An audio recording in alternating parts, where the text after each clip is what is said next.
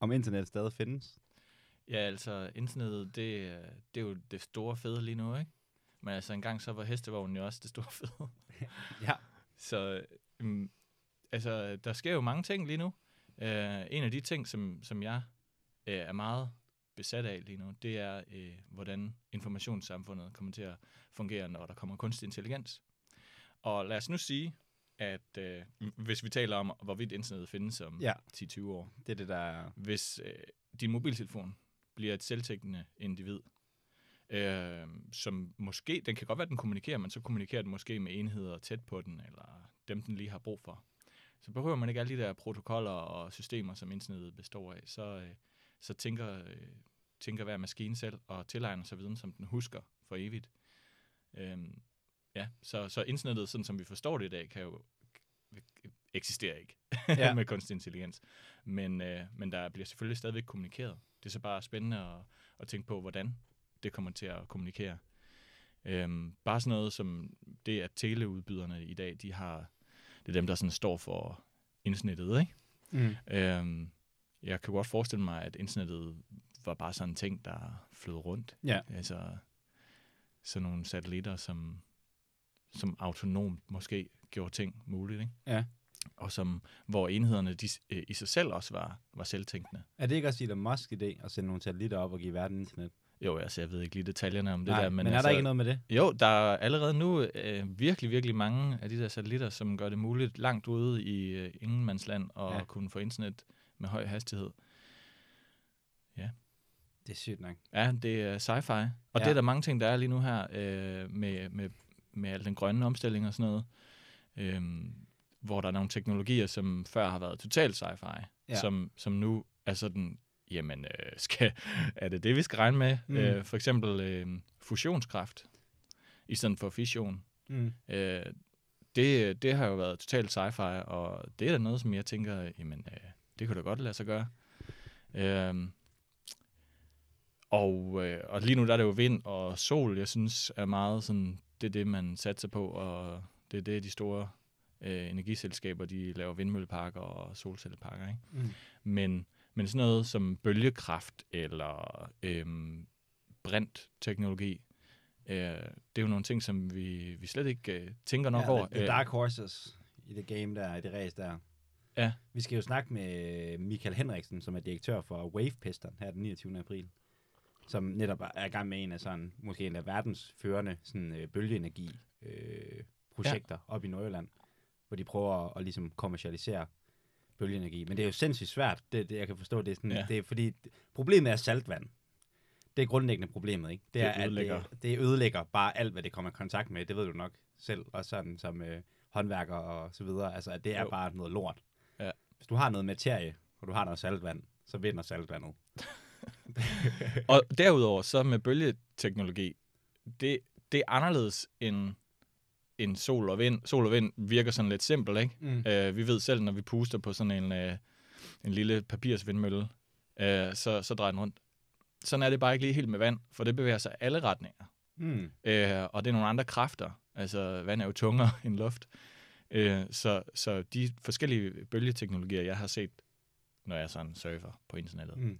Det er, det er sådan noget, øh, og enten går det op og ned, eller sådan, der kommer en bølge ind, for eksempel, som så skubber til en luftsøjle, og så bliver stemplet presset op og ned. Mm. Eller man har sådan nogle slanger, der ligger i overfladen af vandet, øh, og, og udnytter øh, bølgernes, ja, de synlige bølgers en, energi. Men der er jo også øh, strømme under vandet, øh, Mm. som vivler, altså runde bevægelser, og også op- og ned bevægelser.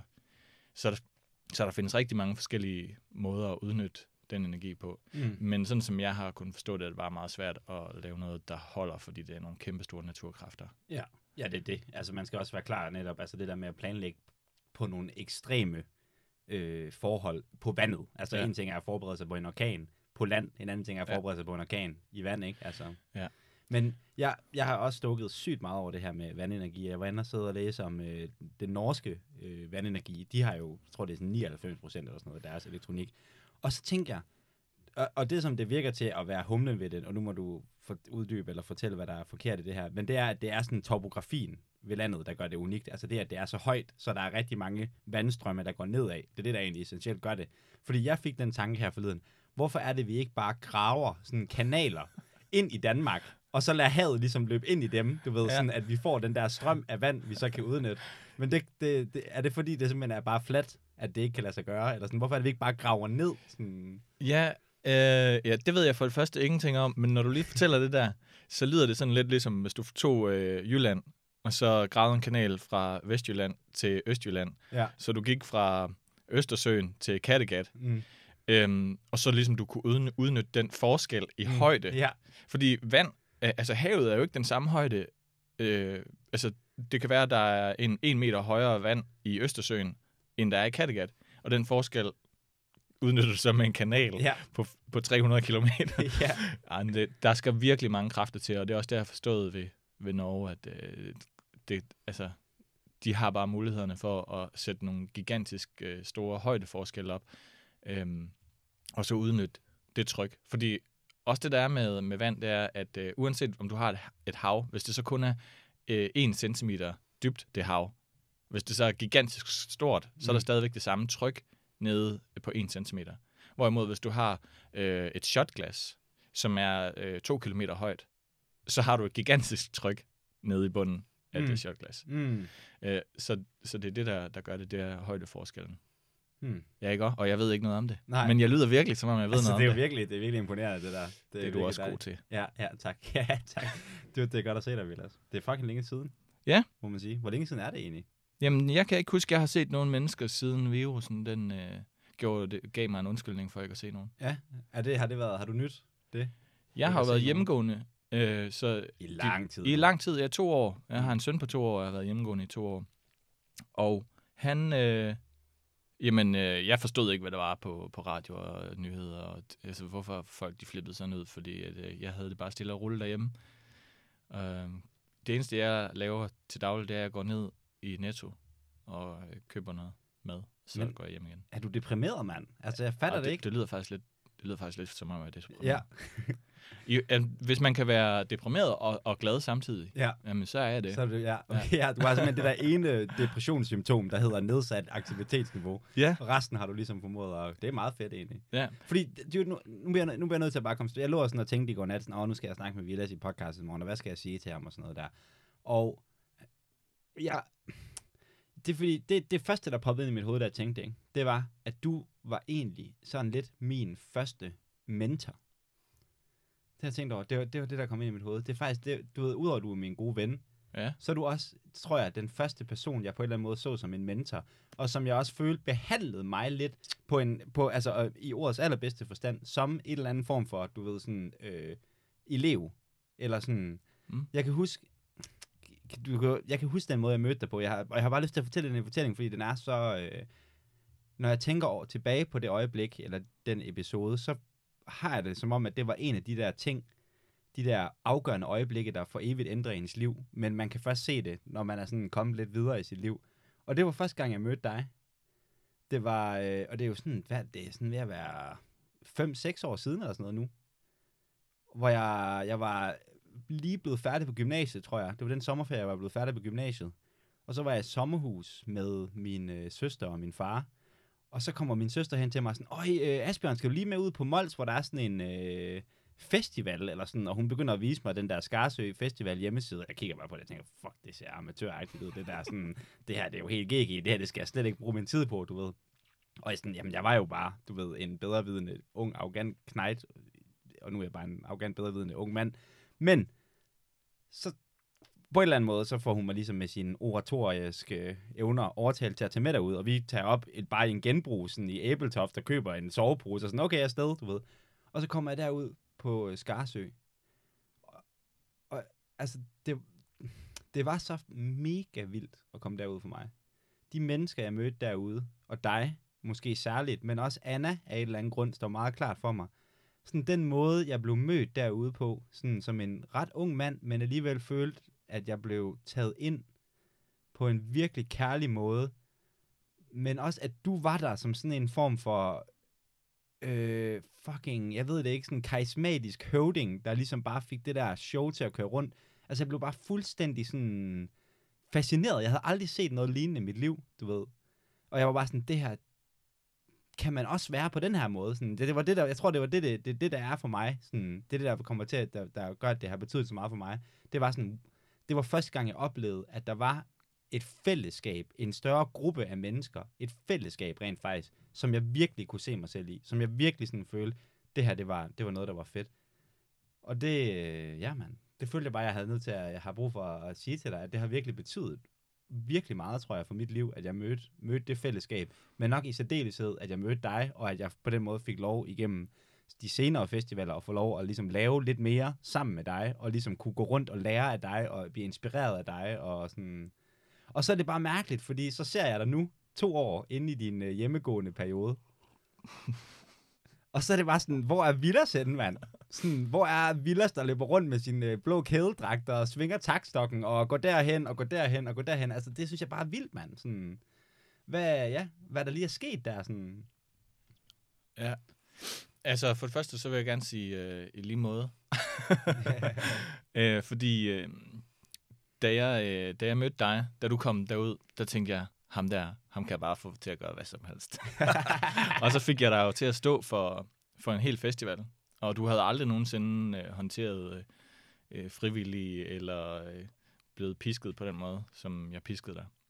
Øh, og jeg er ikke særlig flink, øh, når jeg pisker folk, siger folk. Jeg synes selv, jeg er mega flink, og jeg tager hensyn til, hvad de kan og hvad de ikke kan og alt sådan noget. Men jeg beder folk om noget. Altså, jeg, jeg tænker ikke, om jeg gider ikke lige øh, give dem en opgave. Altså hvis jeg stod og tog opvask, når du kom hen og sagde, øh, øh, er der noget, jeg kan hjælpe med, så skal du bare endelig sige til. Så vil jeg ikke sige, nej, nej, det er lige mig, jeg tager den. Så vil jeg sige, ja, her. øh, og, og det er måske det, øh, du tænker, øh, er det der karismatiske. Øh, for jeg, jeg er ikke særlig god til for eksempel at skrive jobansøgninger. Øh, får aldrig øh, svar på dem. Mm. Og øh, hvis jeg skal forsøge at lyve nogen til noget, eller overtale nogen til noget, så har jeg gigantiske besværligheder med det. Mm. Men, øh, men hvis folk de, øh, de mangler en opgave, altså så giver jeg dem en opgave.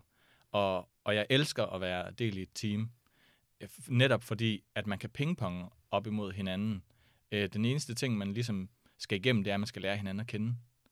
Så, så det bedste team, det er, hvor man lige bliver introduceret til hinanden først, og så, øh, og så kan man bare gå i gang med at... Og, for, øh, det er jo enormt tillidsvækkende, at nogen giver en en opgave synes jeg. Mm. Øh, og, og det, jeg har oplevet med, med mit øh, foreningsarbejde, det er øh, også at se julelyset i øjnene på folk, når de øh, gør noget, de troede, de ikke kunne. Så jeg, ja, det, jeg er rigtig god til, og også det, jeg, jeg er slemmest til på den måde, det er, at jeg jo bare beder folk om noget, om de kan det eller ej. Øh, men så sørger jeg for, at de har de informationer og værktøjer, altså, der skal til for at kunne det. Så jeg siger ikke bare, få lige køkkenet til at hænge sammen. Øh, jeg introducerer dem til, hvor alle tingene står, og tidsplaner, og nærmest også ned til, hvor mange milliliter, der skal i øh, opskrifterne osv. Og det, det er noget, jeg virkelig også elsker, det er at lave sådan en projektplan, som er vildt detaljeret.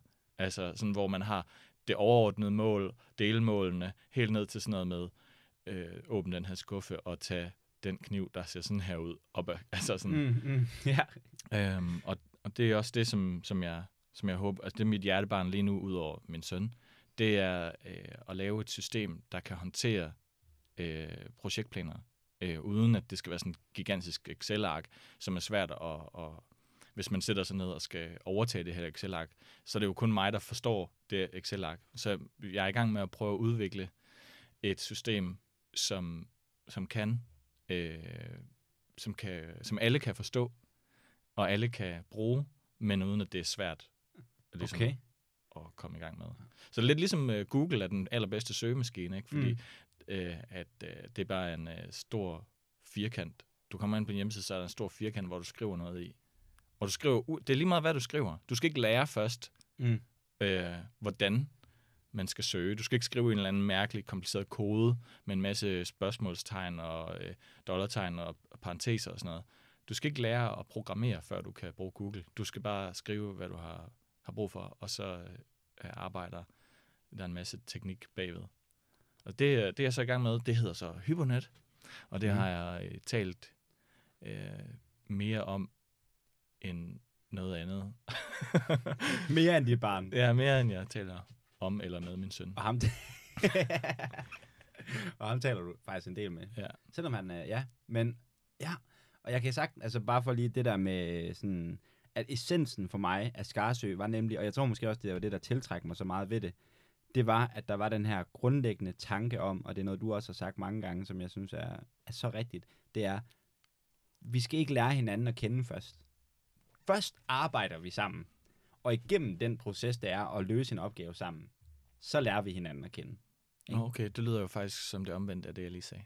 Okay? Men, du Men det kan godt være, men jeg det, har sagt du, det. det, det, det er fordi, du sagde, du, jeg ved godt, du sagde, du ved, det for eneste, vi skal, det er, at vi lige skal lære hinanden at kende. Ja. Og jeg tror også, hvad du men, men jeg tror, det du mener med det, det må du sige, hvis jeg tager fejl, det er vel et eller andet sted sådan lidt en overfladisk, sådan, du ved, udveksling, altså Ja. sådan af information, hvem er jeg, bla bla bla, Ja, hvad kan jo, jeg bruges det- det til. rigtigt. Men jeg mener bare, at rent faktisk at, at bygge en relation op til et andet menneske, altså på en ægte måde, bygge et bånd med et andet menneske, at det sker ved at lave noget sammen, Ja, ved at helt gøre hundrede. Jo. noget sammen, ved at løse en opgave sammen. Det har jeg sagt. Ja, og det er det der, og det er jo det, jeg synes, der var, tror jeg, synes, der var så sygt ved, ved Skarsø, det er, at der var ikke for noget bullshit omkring den filosofi, at det var sådan, vi er her for at gøre noget.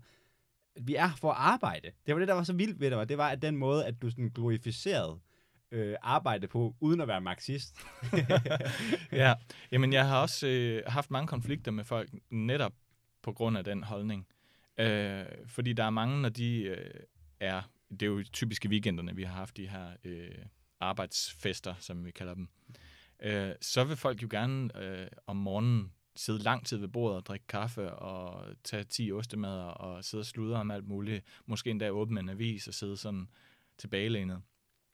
Men når jeg har øh, slugt min havregrød, så rejser jeg mig, og så siger jeg, nu går jeg ud og går i gang med det her, og så regner jeg med, at I bare kommer lige om lidt. Øh, og jeg vil gerne have, at øh, du gør det, og du gør det, og sådan noget. Ikke? Der har der været mange konflikter, fordi det er den, altså, det synes folk ikke er fedt at blive talt til på den måde, for det første. Og for det andet, så vil folk godt sådan øh, selv tage initiativ til de ting, de, de har lyst til at gøre. Altså, de føler sådan lidt, de er på sommerferie.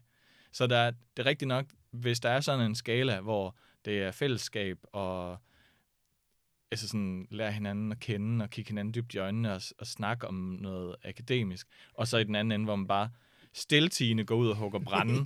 og, fordi det, det er, ja, så er vi nok mere derhen Mm, mm, mm. ved stiltigende. Og det er også en, en, en form for ar- samarbejdsform, jeg virkelig elsker. Øh, også fra håndværksbranchen. Øhm, noget af det, jeg, jeg nød allermest ved at være øh, håndværker, det var, at øh, man kunne aflæse hinandens øh, sådan øh, kropslige tegn. Sådan, det der, det betød, øh, jeg går lige ned og henter nogle flere skruer.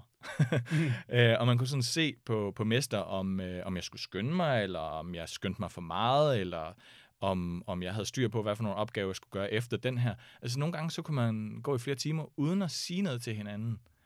Andet end, øh, jeg går lige hen efter nogle flere af dem her, eller øh, den her skrue, den virker ikke til det her. Eller sådan. Du ved sådan, Mm. men, øh, men vi lagde for eksempel gulv i 17 huse, hvor øh, den eneste samtale, vi havde, det var om, hvor, hvad det var, jeg skulle gøre.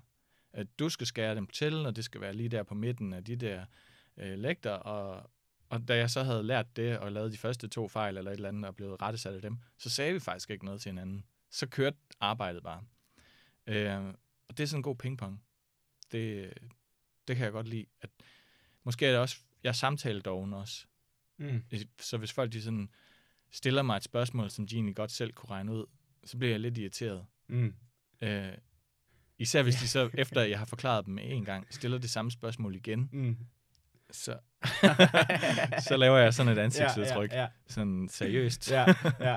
Jeg føler også virkelig, at du er sådan en person, der på den måde, du siger bare, hvad du har lyst til at sige. Sådan, der kan komme, du ved, hvis man en, en eftermiddag på stranden med Villas, altså det kræftede mig ikke til at vide, hvad der kommer ud af det. Vi kan godt være, at vi kan sådan få ordnet formaliteterne, og hvad går du lige og laver, og er det Mm. sjovt med det. Men udover det, så bliver det bare sådan, øh, wow, prøv lige at se det der tankskib. Tankskibe er jo faktisk smarte, fordi de, du ved, sådan bla bla bla. Sådan, du er sådan en form for, du ved, du er en Asperger, bare uden sådan uh, specialisering i viden. Du ved bare noget, du er bare interesseret i alt sådan omkring dig. Altså sådan, jeg Ja. mener bare det der med, at du har meget den der sådan øh, intuitive eller spontane måde at forholde dig til verden på. Sådan, at det er virkelig bare sådan, du tager hvad der er foran dig, og så fucking er det det, det handler om. Sådan, der, er sådan, nu, altså, der er ikke de der sådan sociale koder for, hvordan vi lige bla bla bla snakker til hinanden, og ikke at jeg kalder dig Asperger, for det gør jeg på ingen måde. Okay. Men det er bare, ja, okay, måske lidt. Men, altså, we in the same Ja. boat her, ikke? Altså sådan, men altså, forstår du det, hvad jeg mener med det? Sådan, Jo. Øhm, og det, det er vel den der, det er det, det der spektrum mellem øh, generalist og specialist. Ja, Altså om man øh, er, gerne vil være vide af, af, af en hel masse små ting om helt vildt meget, eller helt vildt meget om, om én ting. mm. Og øhm, ja, ikke eller nogle få ting. Fordi øh, du er jo sådan lidt på det andet spektrum så. Øh, du, kan, du har jo sat dig ind i... Du kan være arabisk. ja, det kan jeg ikke, overhovedet ikke. Nå, okay. Kun til, Nå, så det, det er bare noget, du lader som om. altså, jeg kan jo godt snakke lidt arabisk. Jeg kan godt sige ting fra Koranen, men jeg kan Nå. ikke snakke arabisk. Ja. Jeg har, jeg har måske, i det tilfælde havde jeg bare sat mig ind i, at Koranen var en bog. Ja. Og, og så var jeg gået videre i teksten. Okay, jamen jeg skal mere, Så så, så, så har du, du- også. Så måske er vi begge to generalister, men ja. Du er lidt mere specialist. Ja, det kan godt være. Ja. Det kan godt være. Øh, og derfor er det også ret slemt nu, hvor jeg er begyndt at programmere, at, øh, at jeg, jeg kommer aldrig til at lære et programmeringssprog, fordi jeg bliver altid afledt af en masse andre ting, man også lige kan lære. Og det, øh, det får jeg tit at vide af andre programmører. Sådan, Vilas, du behøver ikke at vide, hvad en eller anden ting betyder. Du kan bare, om det virker eller ej. ja, altså, hvis ja. ikke det virker, så skal du ikke bruge det. Så skal du bruge noget andet, der virker. Og Mm. øhm, ja, det er både øh, fedt, og det er også ikke Ja, fedt. men det projekt, du har valgt, der hedder Hyponet, kan man så sige, der har du jo også virkelig formået at vælge et projekt, der gør, at du bliver nødt til at vide noget om alt lidt. Altså, Ja. ja. du kunne jo godt have sat dig ned og kodet en, øh, du ved, øh, den nye Mester Skin, for eksempel. Eller det nye Pornhub, ikke? Mm. Altså, det kunne du godt have sat dig ned Ja, det, og har, lavet. det har jeg gjort masser af gange. Der, men, ja, men, men du ved, du har også valgt på den måde at tage en opgave på dig, som sikrer, virker det til, at du bliver nødt til at være lidt en generalist, altså for Ja. at kunne få det til at hænge sammen. Og jeg, Hyponet forener alle de ting, som jeg er god til, eller som jeg gerne vil opnå. Øh, måske ikke så meget det håndværksmæssige, men øh, jeg vil jo gerne lave Hypernet sådan, at man kan øh, opbygge viden over tid. Øh, man bruger Hypernet bare til at, at, at pege på ting på en skærm og sige, hvad synes jeg om det her, eller hvad, hvad har jeg spørgsmål til det her, eller hvad er mit forhold til det her. Øhm, og Google er jo fedt, fordi man bare kan sige, øh, hvor meget er øh, to ounces i milliliter, og så får man svaret.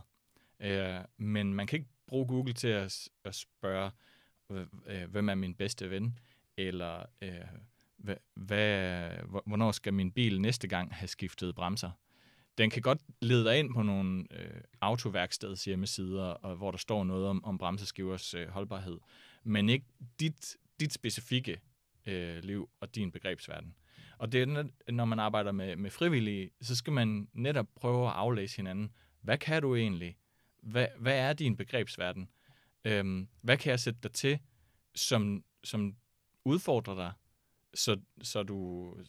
Øh, øh, øh, eller, men ikke udfordrer dig nok. Eller hvad hedder det? Ikke udfordrer dig for meget. Udfordrer dig nok til, at du kan lave det, men ikke udfordrer dig for meget, så du ikke kan gennemføre det. Øhm, så det der med tilstrækkelig information, men ikke for meget information.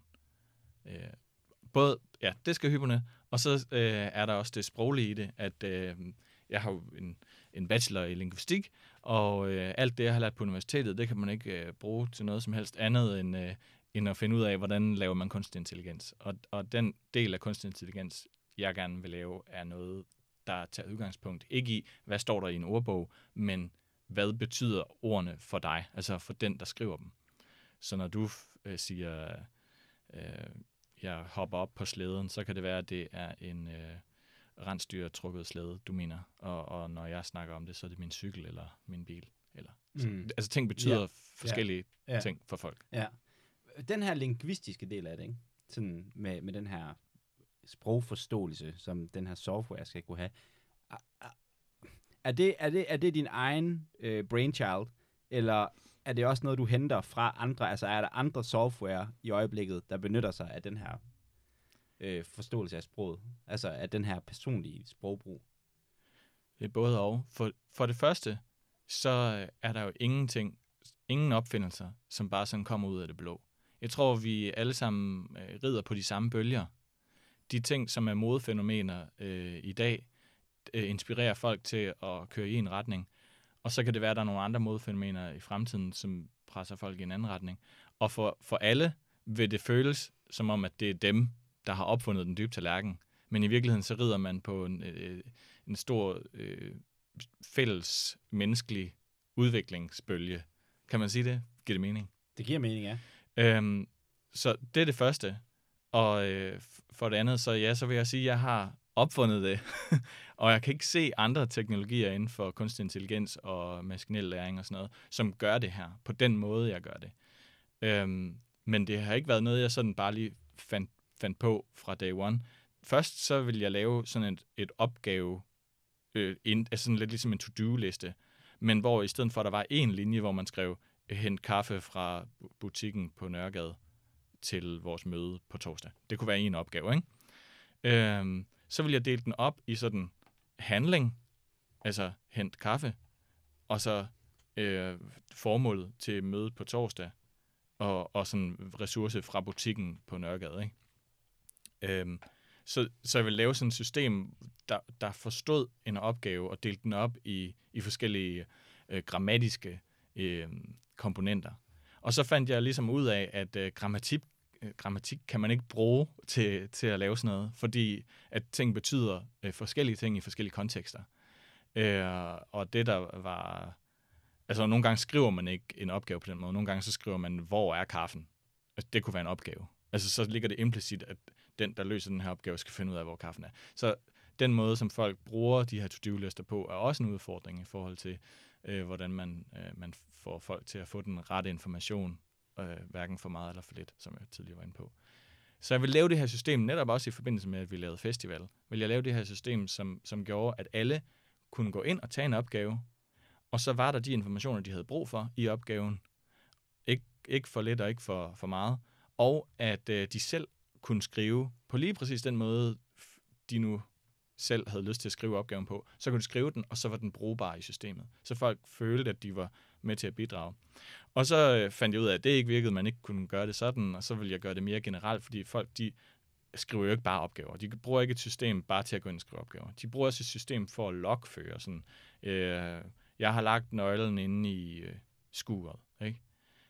Det er jo ikke en opgave det er en information, men den forholder sig specifikt til, til en, en ressource og, og, og måske et par opgaver og sådan noget.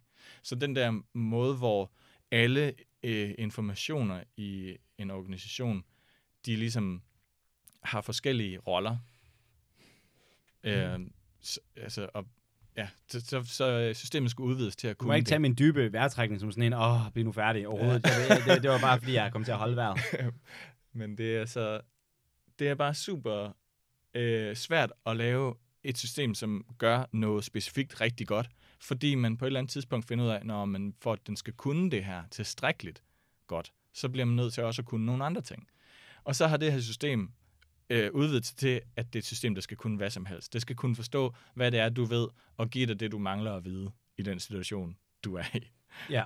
Så det er, og, så skal det kende dig rigtig godt. Ja, og det, det har jo ikke, til at starte med, har det jo ikke handlet om at lave kunstig intelligens. Jeg vil bare lave et system, som frivillige organisationer kunne bruge for at få folk til at gøre de ting, de blev bedt om at gøre, uden at gå ramme en mur. Øh, enten en informationsmur, eller sådan en, en informationsdal, ikke? Øh, altså, hvor muren er, at der er for meget information, så man ved ikke, hvad man skal stille op. Og dalen er, at øh, du kommer bare ikke videre, fordi at du ikke ved, hvad du skal gøre for at komme over den dal. Ja, det er en klart. Så det er ja, jamen, klart. Så den leder der også på den måde. Den indsnævrer verden ja. for dig, hvad der er relevant og hvad der ikke, ikke ja. er relevant. Ja. Og så, ja, så bliver jeg nødt til at sætte mig ind i en hel masse ting, som du siger. Altså, mm. Så bliver jeg nødt til øh, at, at, at vide, øh, hvad er folks forskellige læringsmetoder? Altså, hvad, hvordan sidder, sidder du foran en computer? Hvad er det for nogle informationer, du mangler, eller du leder efter, når du skal løse en opgave? Øhm, ja. Så ja, jo, man kommer til at... Og det er godt at have det her projekt. Ellers var jeg nok gået hen og var blevet deprimeret, hvis jeg ikke havde Hyponet som projekt. Fordi øh, efter at jeg øh, skulle blive far, så, øh, så gik den der forening bare ligesom i syltekrukken, og så er der ikke sket noget. Øh, vi har stort set ikke holdt nogen arrangementer, og vi, øh, vi, har ikke, vi har ikke vores festival længere, den har vi givet væk. Ja, til grupperne, ikke? Jo, øh, det, øh, det var ligesom at se sit barn flytte hjemmefra. øh, fordi vi havde, vi havde ingen indendørs øh, arealer.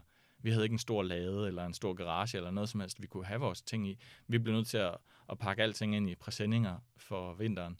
Og hver år var der bare så meget arbejde med at, at, øh, at smide de ting ud, som var blevet rødne eller rustne eller et eller andet. Øhm, og vi byggede jo tingene ude i en skov. Men på Grobund, der, øh, der har de en kæmpe stor nedlagt fabrik, øh, og, og har parkeringsplads og teltplads, og de har alle de ting, som festival øh, skal have. Og så har de et kæmpe stort fællesskab, et bestående fællesskab, Mm. øh, hvor alle folk er interesseret i at være af sig selv, uden at der skal være en, en karismatisk person i anførselstegn, som, øh, som kommer og beder dem om at gøre ting. Ja. Jeg tror, at fællesskabet, når det når en vis størrelse, øh, og har, måske også har øh, tilstrækkeligt med ressourcer i ryggen, så, så bærer det sig selv. Altså så er alle interesseret i at opretholde fællesskabet. Hvordan, hvordan var det for dig, da du startede Skarsø, ikke? Altså sådan, du ved, nu siger du det her, fordi når man ligesom får et barn? Så har man ligesom taget en aktiv beslutning om, at jeg skal have et barn, og man har nok i en vis grad, i hvert fald, det kan du så fortælle mig om rigtigt, en, en, en forståelse i en vis omfang i hvert fald af, det her det er et ansvar, jeg tager på mig. Jeg har skabt noget, og det bliver jo ældre og større, og når det bliver så gammelt, så skal man nok give det nogle af de her ting, og bla bla bla. Man kan ligesom lægge en plan. Men med Skarsø, det var jo, mit indtryk i hvert fald, noget, som voksede organisk, og så var det bare lige pludselig en ting. Sådan, hvornår, hvor, var det først, da du ligesom skulle sælge det, eller give det væk, at det gik op for dig, hvor meget det egentlig betød for dig, og hvor stor en del af din identitet det var blevet? Det har jeg aldrig i talsat, men det er fuldstændig øh, rigtigt. Øh, jeg var øh, lettet over, at der var nogen, der ville føre det videre, og jeg glædede mig til i første omgang at, at, at, at give den her festival videre, så den kunne leve videre, og at jeg kunne være gæst på den. Fordi jeg ville jo bare gerne se, at der var den her type festival i Danmark. En festival, hvor der ikke var øh, plastikkrus øh, med, med billig øl og øh, nogle danske popmusikanter, der, og så var det ligesom bare det. Øh, men hvor det handlede om at bygge ting og gå hen og snakke med fremmede mennesker og sige, hey, øh, kan du lære mig, hvordan man bruger den her bagnetsav, eller øh, ved du, hvordan man skærer øh, det her stykke træ, sådan at jeg kan bruge det til det her projekt. Altså, øh, jeg vil gerne have, at folk, de, øh, de gik hen og minklede øh, og mød, mødte hinanden, ikke over, øh, hvem der vidste mest, eller hvem der havde taget den mest sofistikerede uddannelse, men øh, hvem der kunne hjælpe hinanden. Og, og det er det, jeg synes, der skal være meget større fokus på i, i kultur. Øh, det er, at man øh, møder hinanden igennem øh, hjælpsomhed og samarbejde, i stedet for, øh, hvem der er mest velformuleret. For det er, altså, det er der en tendens til, at, at dem, der er mest velformulerede, de vinder. Og det, ja. det er ikke fair over for dem, som er mega øh, håndværksmæssigt øh, seje og overlegne, men som måske øh, er ordblinde. mm. kan du se, hvad jeg mener? Ja, fuldstændig. Der er folk derude, som er fuldstændig geniale i deres fag, men som ikke har sproget til deres fordel, og så taber de bare i øh, det her store spil. Mm. Hvor, altså, prøv, kan du uddybe lidt det? Altså, hvad, hvorhen er det, du ser det spil materialisere sig? Altså, sådan, er det på en festival, for eksempel, at man vil se det her game? Ja, nu har jeg ikke været spider, men jeg tror også, at spejderne, det er i virkeligheden øh, det er en god gammel øh, øh, organisation, hvor, øh, hvor man øh, mødes igennem samarbejde. Ja. Altså, øh, Nej, men altså, jeg mener det omvendte. Altså det her, hvor at det er den mest veluddannede eller velformulerede. Altså, hvor er det, du ser den form for... Jamen, for eksempel i podcast her, ikke? Mm. Øh, alle dem, som synes, at jeg formulerer mig dårligt, jamen, de har slukket nu. Og alle dem, som ikke kan lide dit toneleje eller sådan noget, de, øh, lide din måde at tale på, de abonnerer ikke på den podcast. Øh, og, og de ved jo ikke noget om, hvad du ellers kan, og hvor god du ellers er til at samarbejde med folk. Og det ville de først vide, når de øh, havde stået ude øh, en regnværs øh, morgen og hugget brandmætter og, og, og oplevet den der stiltigende samarbejde. Mm. Øhm, jo. Men det er, det er hårdt at give slip på at, at, at være leder af et fællesskab. Øhm, det var super fedt at, at være formand for foretagsomheden og lave øh, Danmarks Byggefestival i 11 år. Øh, og det var, jeg tænker tit på det. Jeg tænker tit, at øh, det vil jeg gerne. Jeg vil gerne være frontfigur. Jeg vil ikke gerne, nå, måske vil jeg også bare gerne være en del af det der pingpong-fællesskab, hvor man, hvor folk de tør gå hen til mig og sige, øh, Vilas, jeg ved godt, du ikke er den bedste til at øh, bruge en, en symaskine, men vi skal lige have lappet en ny øh, søm i det her telt. Og så vil jeg bare tage imod opgaven, fordi der var nogen, der betroede mig med den, og fordi den var udfordrende. Og så vil de gå i gang. Jeg vil ikke sige, det kan du da bare selv gøre, fordi de lavede jo selvfølgelig noget andet. Så kunne det være, at de var i gang med at snitte kartofler eller et eller andet. Øhm, der, altså, i sådan et stiltigende samarbejde, der ved man, at alle er i gang med noget. Og når de kommer hen og giver dig en opgave, så giver de dig ikke en opgave for at tvære den af på dig. De giver en opgave, fordi de betror sig til dig og gerne vil inddrage dig på en eller anden måde. Ikke? Så ja, det, øh, det var et fedt øh, fællesskab, og det skal jeg være med i igen. Jeg skal være del af sådan nogle fællesskaber igen. Mm. Øh, det vil jeg gerne lave professionelt også. Øh, og lige nu, hvor jeg øh, har hovedet omkring Hyponet, så, øh, så håber jeg, at øh, jeg en dag bliver del af et team, øh, programmørteam, som, som pingponger på den måde. Og specielt inden for software, der er der bare nogle, nogle, nogle værktøjer, sådan noget versioneringsstyring, øh, sådan noget GitHub og sådan noget, hvor man, øh, hvor man har øh, sine fælles dokumenter, man skriver på, lidt ligesom Google Docs, og så kan alle ligesom se, hvornår har du ændret den her overskrift til den her skrifttype, og øh, hvad gjorde det ved resten af layoutet? Og altså med, med kode, der hvis du ændrer en linje, så ændrer du jo, hvordan resten fungerer. Så, så det, der er nogle værktøjer, der, der er virkelig godt skruet sammen. Og så ligger det også op til, at øh, man tager sin rolle i det arbejde alvorligt, så man ikke ødelægger koden for alle de andre. Mm. Øhm, ja, så det glæder jeg mig til. Så det, altså, det er simpelthen sådan et, et programmeringsfællesskab, hvor man i fællesskab prøver at lave et eller andet software, Ja. og så kan folk så bidrage til den, som de vil, og alle kan se, hvordan bidraget, altså hvem der har bidraget med hvad, og så kan de så se, hvad det har gjort ved slutproduktet. Ja, altså når man kører koden og åbner programmet, Ja. så enten virker det, eller også så virker det ikke. Ja. Og nogle gange så virker det, men ikke særlig godt, eller virker for langsomt. Øh, og så kan man netop gå ind og se øh, historikken over de forskellige ændringer, og man kan, altså lidt ligesom alle har prøvet at arbejde med et, øh, et synkroniseret dokument i, i OneDrive eller Google Docs, ikke? Øhm, at man kan se, hvad folk de har skrevet. Mm. Men med kode, der er det bare øh, endnu mere. Men er det så noget, man bruger i, hvad kan man sige, til at lave open source programmer, eller er det også noget, man bruger i virksomheder til at programmere nye features, for eksempel? Ja og ja. Ja og ja. Øh, jeg, jeg har faktisk ikke øh, prøvet at bidrage til et open source, men det bety- open source betyder, at, at man har koden, og så kan man øh, ud, udfrakommende kan komme og spørge, må jeg godt hjælpe med en funktionalitet i det her program, fordi det kan se mangler, og så, og så kan man få lov til at bidrage med, ko- øh, med kode til det, øhm, hvis fællesskabet øh, vil logge en ind. Øhm, og, og selvfølgelig alle virksomheder, som laver noget digitalt, øh, de bruger sådan et versioneringsværktøj. A- altså andet er, er dumt. Ja. Simpelthen. Og det, og det er for at sikre, og det er det, der ligesom er det værktøj, der gør, at programmører kan arbejde sammen Ja. om den samme opgave. Ja, netop. Fordi man har sikkert på et tidspunkt, før det her versionering sådan noget, at skulle have nogle møder, hvor man sad i et rum og sagde, prøv her, Brian, Ja. du laver den her funktionalitet, og jeg skider hul i, hvordan du gør, bare det virker bagefter. Ikke? Mm, mm. Øhm, og det, det har været et helvede, ikke? At have så mange forskellige... øh, Jeg ved ikke, hvordan... Altså, det virker kaotisk. Jeg kan slet ikke forestille mig en verden uden øh, det her værktøj. Det gør det meget lettere for folk at, at pingpong i et team, uanset deres personlige egenskaber og sociale egenskaber. Og, Mm. øh, og min oplevelse, nu er det min fordom måske også, men det er, at er rigtig mange, der arbejder med IT, de har en eller anden diagnose. de er enten sådan nogen, der, der skal have tingene på en helt bestemt måde, altså sådan perfektionister på en eller anden måde. Nu er perfektionisme ikke en diagnose, men hvis det var en diagnose, så havde alle programmører det. Fordi der skal man bare være meget per 19 omkring øh, op og ned. Ja. Øhm, Det bogstav, det skal stå der, og det Ja. skal ikke stå ja, nogen lige præcis. andre steder. Et komma ja. kan ødelægge et program. Ja, ja, ja, ja. Kender du Silicon Valley-serien?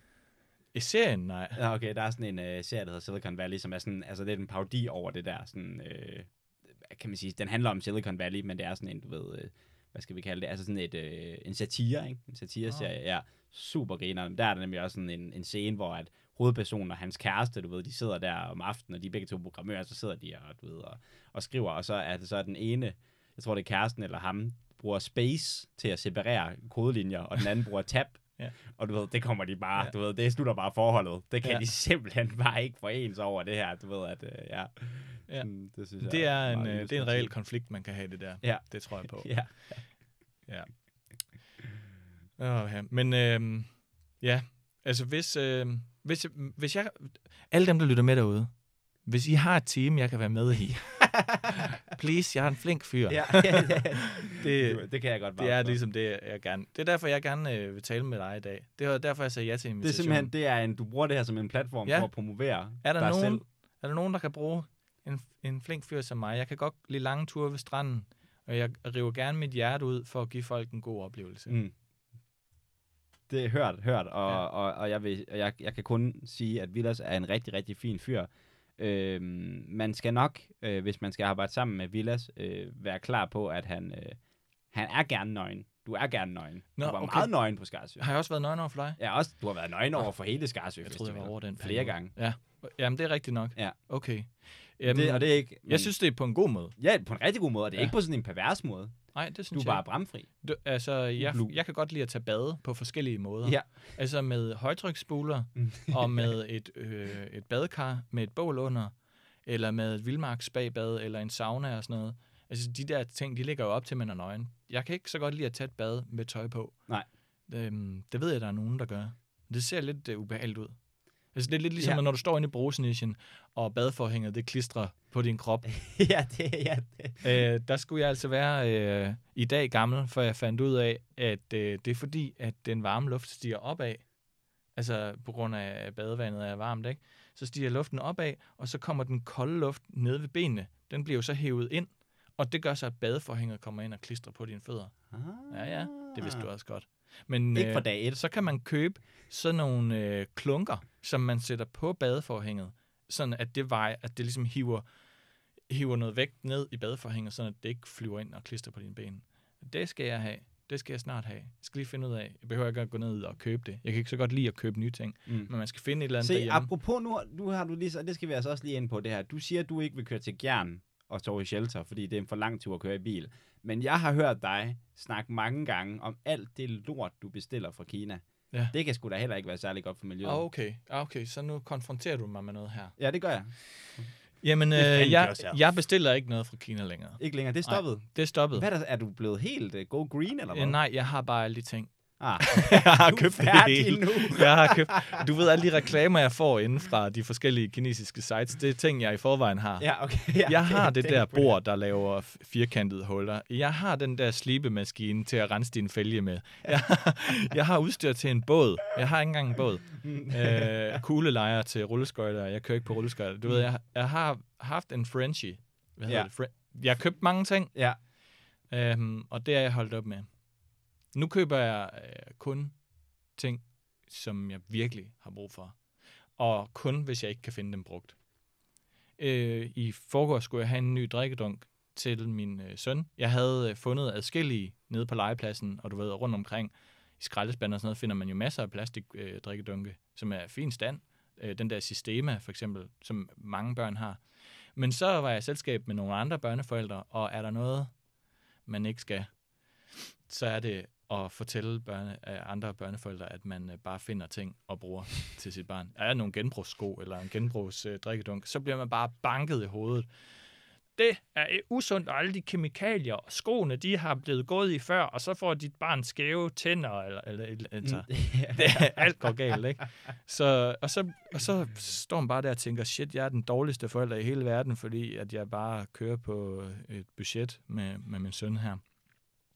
Så så bliver jeg nødt til at købe den der i stål, så, og man kan få meget i stål. Man kan også bare bruge en gammel, øh, brugt øh, stål termokande som drikkedunk, men det skulle være den der clean kantine. Og det gjorde du simpelthen. Der, Så sku- der, der bøjer du simpelthen ja. under. Bukker under for presset. Jeg vil gerne kunne, når jeg er i selskab med andre børnefamilier, øh, kunne sige, ja, min søn har også clean ja. kantine. Ej, hvor grineren. Ja. Også, men det overrasker mig også, fordi du er jo er sådan forholdsvis i mine øjne kontrær i det. Altså, det, Ja. det vil jeg tænke, at du faktisk vil finde en stor nydelse i at sige, min søn Ja, han drikker drikker, faktisk øh, af en konservesdåse. Ja, ja.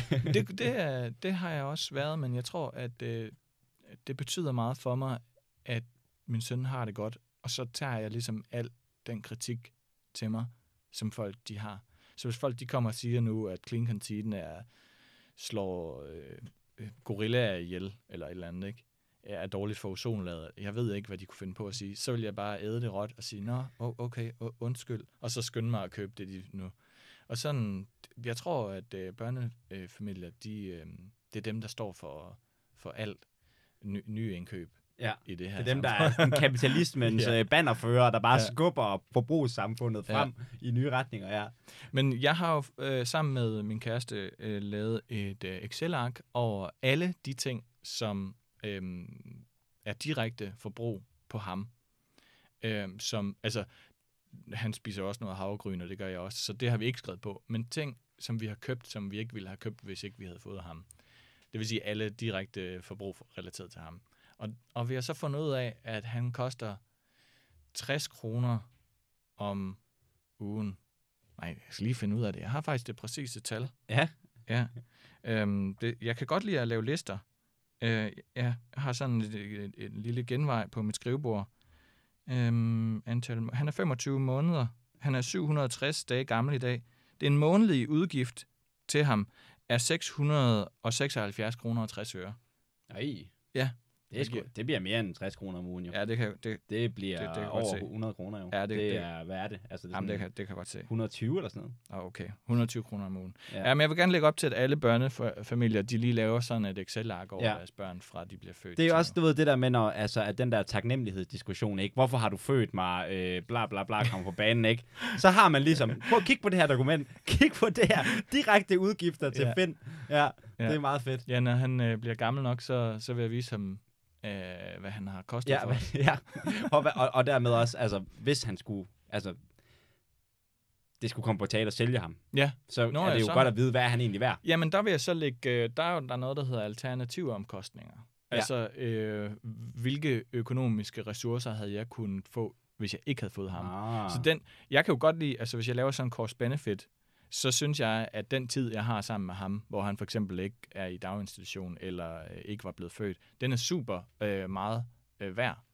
Øh, jeg, jeg vil betale mange hundrede kroner for at tilbringe en dag sammen med ham.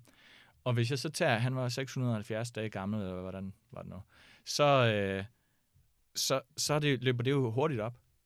Og det tal skal man også have med. Altså den akkumulerede værdi, det har givet mig at være sammen med ham. Okay, det har givet dig. Ja. Jeg troede, du var ude i det omvendte. Jo, jo, altså, hvad man skal så brugt din... fra det, Ja, som jeg mener, han er værd, ja. Skal man så trække, hvad jeg kunne have tjent ved at være ekspedient i Netto. Ja. Eller et andet øh, realistisk job, som en som mig kunne have fået. Ja.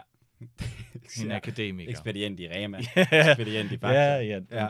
Måske, hvis det Sosu. stod. Ja. ja. Jeg kunne godt tænke mig at, at være sådan en, der fejrer gaderne, faktisk. Ja. Altså, den Jeg dag, kan- når alt ramler for mig, Ja. ikke for at sige, at det er det laveste, man kan nå, for der er øh, flere Stemt, dybder der end er- det. Men, men øh, jeg så en fejemaskine køre øh, på, i, oppe i Højbjerg, hvor jeg bor.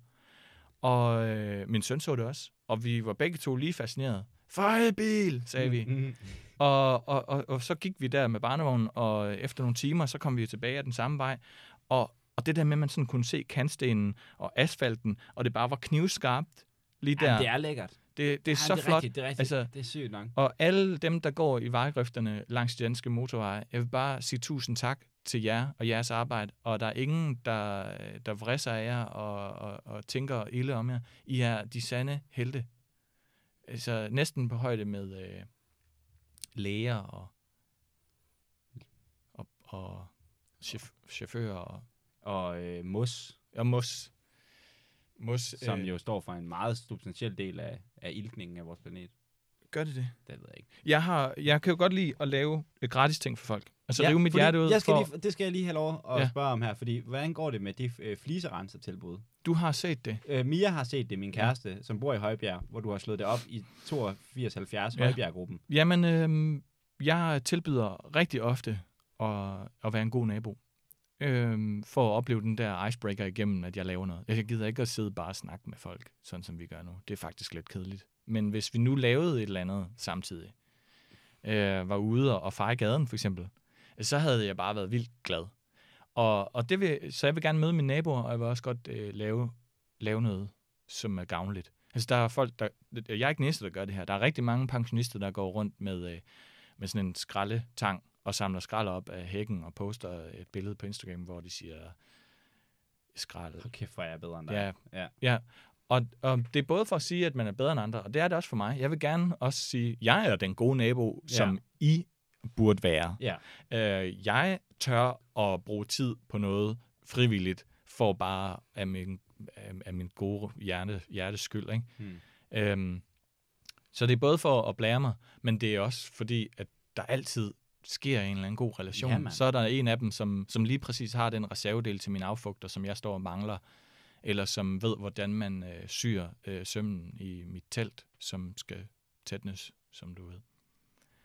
Øh, ja, og, og der er både det med fliserens, men jeg har også øh, tilbudt, øh, bare d- i en anden gruppe, som jeg ikke tror, Mia er med i, øh, har jeg tilbudt øh, at komme hjem og rense folks sofaer, fordi jeg har sådan en tæpperenser. Ja, ja, den kan jeg godt huske, at du havde købt på Skarsø. Jeg Det vil bare gerne dag. bruge den. Ja. Øh, og jeg er også ejer af en drone, men jeg forstår ikke reglerne, så jeg kan desværre ikke tilbyde folk at lave overluftsfotos af deres ejendom, eller hvad de nu har lyst til. Mm, privat øh, Ja. spionage. Fordi det, det er simpelthen så svært at finde ud af. Man må stort set ingenting med, med sådan en drone der.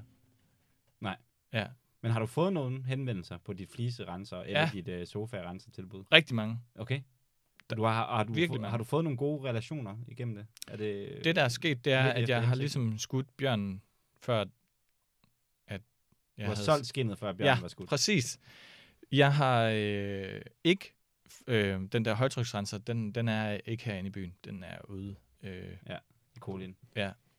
og øh, for at kunne flytte den, så skal jeg jo lige køre i en bil, Oh. med de, som brænder diesel af. Jeg skal køre flere, rigtig mange kilometer for Ja. at hente den. Ja.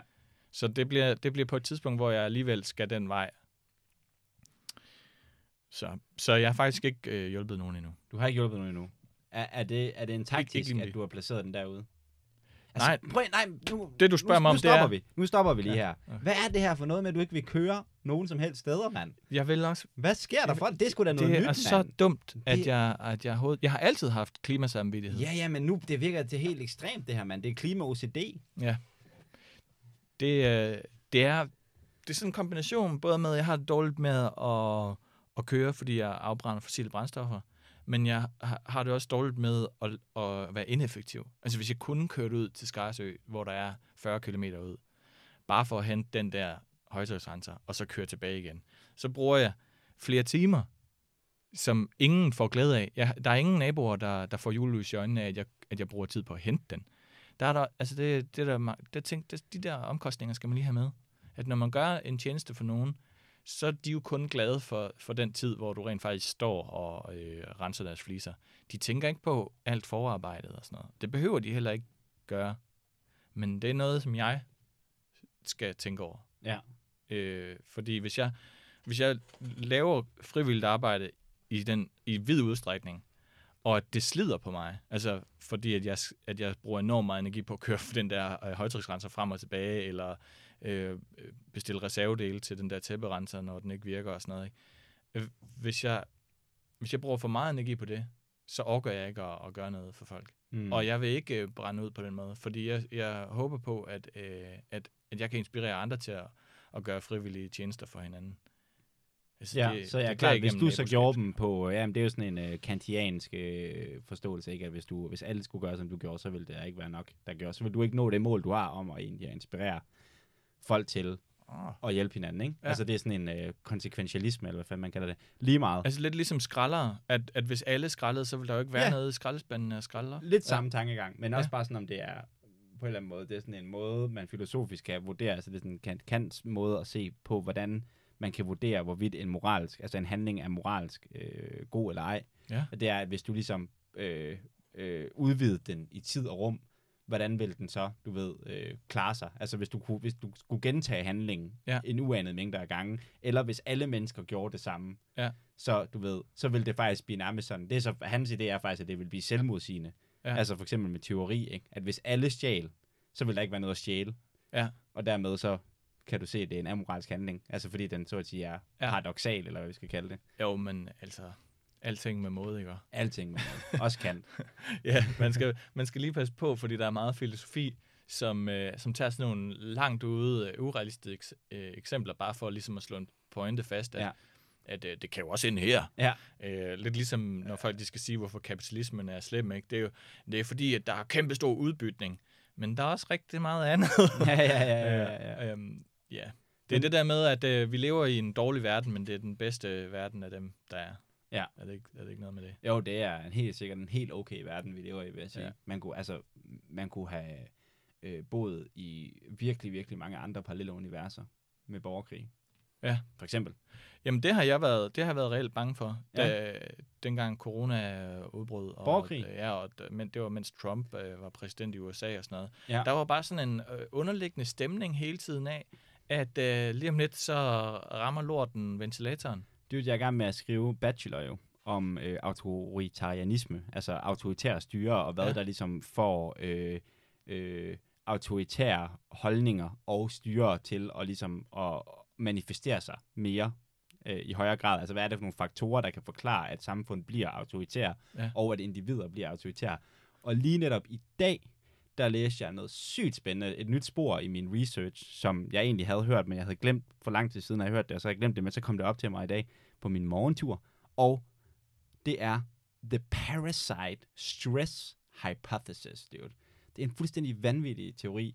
Det er en, nogle folk, der har fundet en koalition mellem, hvor autoritære styre de er, og hvor autoritære attityder folk har i et samfund, og så øh, prævalensen af smitsomme sygdomme i stedet, på stedet. Altså, og, og det er en, altså det er en stor koalition. Det er ikke bare sådan noget, du ved, øh, 0,13, en lille bitte faktor. Altså, det er sådan en substantiel, du ved, Ja. Øh, Men når du siger smitsom sygdom, så er det ikke en metafor for for eksempel bare dumhed eller nej, tyveri. nej, eller sådan. overhovedet ikke. Det er virus, parasitter, okay. Okay. infektioner. Det er Ja. ikke, ja. At simpelthen, at hvis samfund, de bliver, øh, du ved, hvis der er jo højere prævalens af smitsomme sygdomme, jo mere autoritære bliver folk. Mm. Og det er jo fucking sindssygt i forhold til corona. Fordi det er jo lige præcis det, der er sket. Du kan også se det, mand. Folk, de øh, taler jo nærmest som om, vi lever i sådan et fascistisk styre, ikke sådan, følg reglerne, og du ved, vi skal straffe dem, der ikke gør det, og folk er sygt og vågne ja. På, at alle ligesom skal være med til at skal Ja. være med på, øh, på bølgen eller på dealen, ikke? Altså sådan, Og intuitivt burde det jo være det omvendte, ikke? Altså, at øh, når der er noget fælles tredje, som, som vi kan snakke om, så finder vi fællesskab igennem det. Men det er da også det, øh, der er. Det er det, det, er det, det, det, er. Hvis totalitarisme er noget, så er det da en dyrkelse af fællesskabet. Nå, okay, jamen, så det kan gå i begge retninger også, fordi det kan jo også være, at vi så lige pludselig havde noget, ligesom vejret, at snakke om ved busstopstedet. Så har vi ligesom noget ydre, som, Nå, er der, kender du nogen, der er blevet syge? Så, nej, det er det, det gør jeg ikke. Mm. Jeg tror ikke på det, Nå, men det gør jeg. Og så, Mm. mm. Men, men øh, det du siger er, at øh, vi kommer til at, øh, at få mere splid, eller hvad? Nej, jeg synes ikke, det er nødvendigvis splid. Det er jo bare en opvågenhed for, at alle skal følge reglerne. Så det er et eller andet sted en opdyrkelse af fællesskabet, ikke?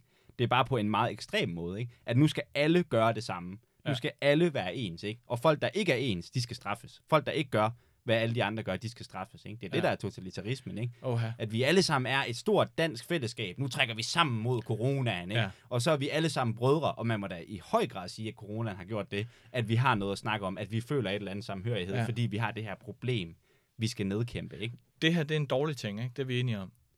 Det kan du, det ved jeg ikke, er totalitarisme en dårlig ting? Altså alt det, som gør, at folk de øh, bestræber ensartethed. Ja. Det, det, det vækker vemmelse hos mig. Jeg Ja. kan godt lide, at alle er forskellige, og at, øh, at alle, øh, alle typer af adfærd øh, er spændende. Altså i stedet for for eksempel med, med folk, der har anderledes kultur, eller anderledes- traditioner, eller sprog, eller alle mulige facetter af, hvordan mennesket kan være forskellig. Mm. Øhm, at det var sådan noget, og det er mega fedt. Ja. Og det er spændende. Så, så lærte også jeg lige med, noget også nyt om Men in det. Black Hva? demonstrationerne, der sidder du og tænker, Ej, spændende, spændende adfærd, de viser derinde på Rådhuspladsen. Det er sjovt, du lige skulle nævne sådan noget, men det, det at det de prædiker er, at vi skal... Det ved jeg faktisk ikke. Det er, at vi skal gøre, hvad vi vil, jo.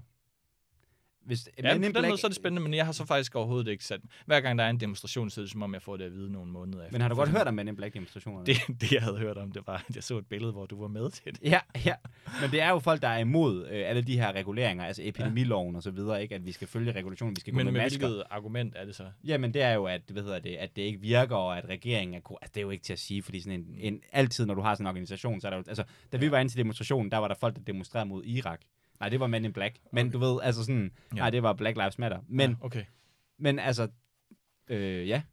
Øhm, det, jeg tror, hvis jeg lige må lave om i, i det, jeg sagde før, Ja. så, så jeg kan, øh, jeg kan ikke lide, når alle skal være ens. Og jeg kan godt lide, når vi har forskellige facetter og sådan noget. Med positivt fortegn. Det vil sige, at øhm, vi siger, og det er da dejligt, at vi til, at nu skal vi gå med masker. Det har vi ikke lige prøvet før. Mm. Øh, jeg siger ikke, at hvis man er sur, Nej. altså, jeg kan ikke lide folk, der, der, øh, der agiterer for altså noget med negativt foretegn. Men lad os sige, at jeg er så agiteret for ikke at gå med masker med et positivt foretegn. Det er fedt, det er frihed, mand. Lad os gøre, hvad vi vil, mand. Lad os lade være. Det der vaccine, det gider jeg sgu da ikke have. Det er, sgu da for, det, ja, det, det, det, det er fedt. Det er fedt. Ja, det-. Jeg, jeg vil gerne være naturligt beskyttet. Ja. Mit, mit naturlige immunforsvar. ja, Er det fedt? Men det Synes du, det er spændende? har jeg faktisk ikke rigtig tænkt så meget over. Jeg ignorerer på en eller anden måde alle dem, som, som har et eller andet negativt budskab. Men hvis det var et positivt budskab. Jamen, det var her, ikke det er, positivt, Jamen, det, her, det er et frihedsbudskab. Jo, jeg vil gerne have min naturlige immunitet til at beskytte mig. Og jeg vil gerne gå med masker, fordi jeg føler mig fri, når jeg ikke skal have en maske på. Jeg synes, at det her det er et eksempel på, at man tager noget meget, meget filosofisk, såsom frihed, og så putter ned over noget så praktisk som at gå med en papirsmaske for ikke at hoste andre mennesker i hovedet. Altså, det, du, tager, du tager et begreb, som er, som er et ekstremt stort begreb, som dækker over rigtig mange ting. Ja. Frihed. Ja. Og så putter du det ned over noget meget, meget lavpraktisk. Ja. Og det er der mange mennesker, der gør, når de argumenterer for et eller andet. Sådan noget med, du krænker min øh, ejendomsret ved at låne min cykel. ja, ja, Nej, jeg stjal den. ja, ja, ja. Øh, det var et dårligt eksempel. Mm. Men sådan, øh, ja, jeg kan ikke komme med nogle gode eksempler. Jeg, Nej. jeg er den, de dårlige eksemplers mester. Ja, det er også meget fedt. Men, Mm. men altså, ja. Nå, men det er også fucking, du ved, okay, noget jeg havde lyst til at spørge dig om før, okay?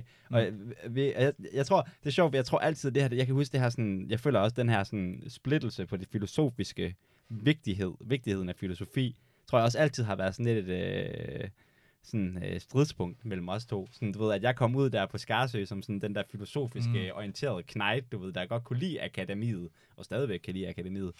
Og, og så var der ligesom, øh, og så var der ligesom arbejdsvillas. Og så var det sådan lidt, hold nu kæft med alt det der filosofi. Men jeg kan sgu også have det på den anden måde, sådan, hold nu kæft med alt det der arbejde. Det er fucking vigtigt, det her filosofi. Det betyder sindssygt meget. Altså, bare det, altså, du kan jo ikke komme udenom, at det er et eller andet højere ordens filosofi og teori om klimaet, der får dig til ikke at vil køre en bil, eller det er det, der får dig til at skrive en gruppe opslag øh, om, at du vil hjælpe folk. Det er jo også, fordi du har et eller andet filosofisk idé, du dyrker.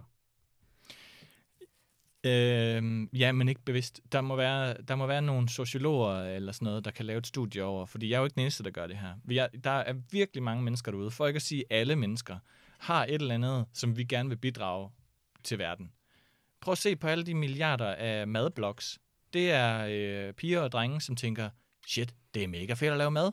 Hold kæft, folk de bliver glade, når de laver mad. Jeg bliver glad, når jeg laver mad sammen med andre mennesker. Nu udgiver jeg en blog. Men hvorfor Fordi udgiver du gerne en blog? Hvorfor udgiver du en blog? Hvorfor gør det? Hvorfor Ja. ikke bare gøre det selv, eller invitere nogle venner? Jo, men det er også sådan, sådan en splid, øh, jeg har. Ja. Har jeg, altså, jeg tror, at jeg har meget at bidrage med.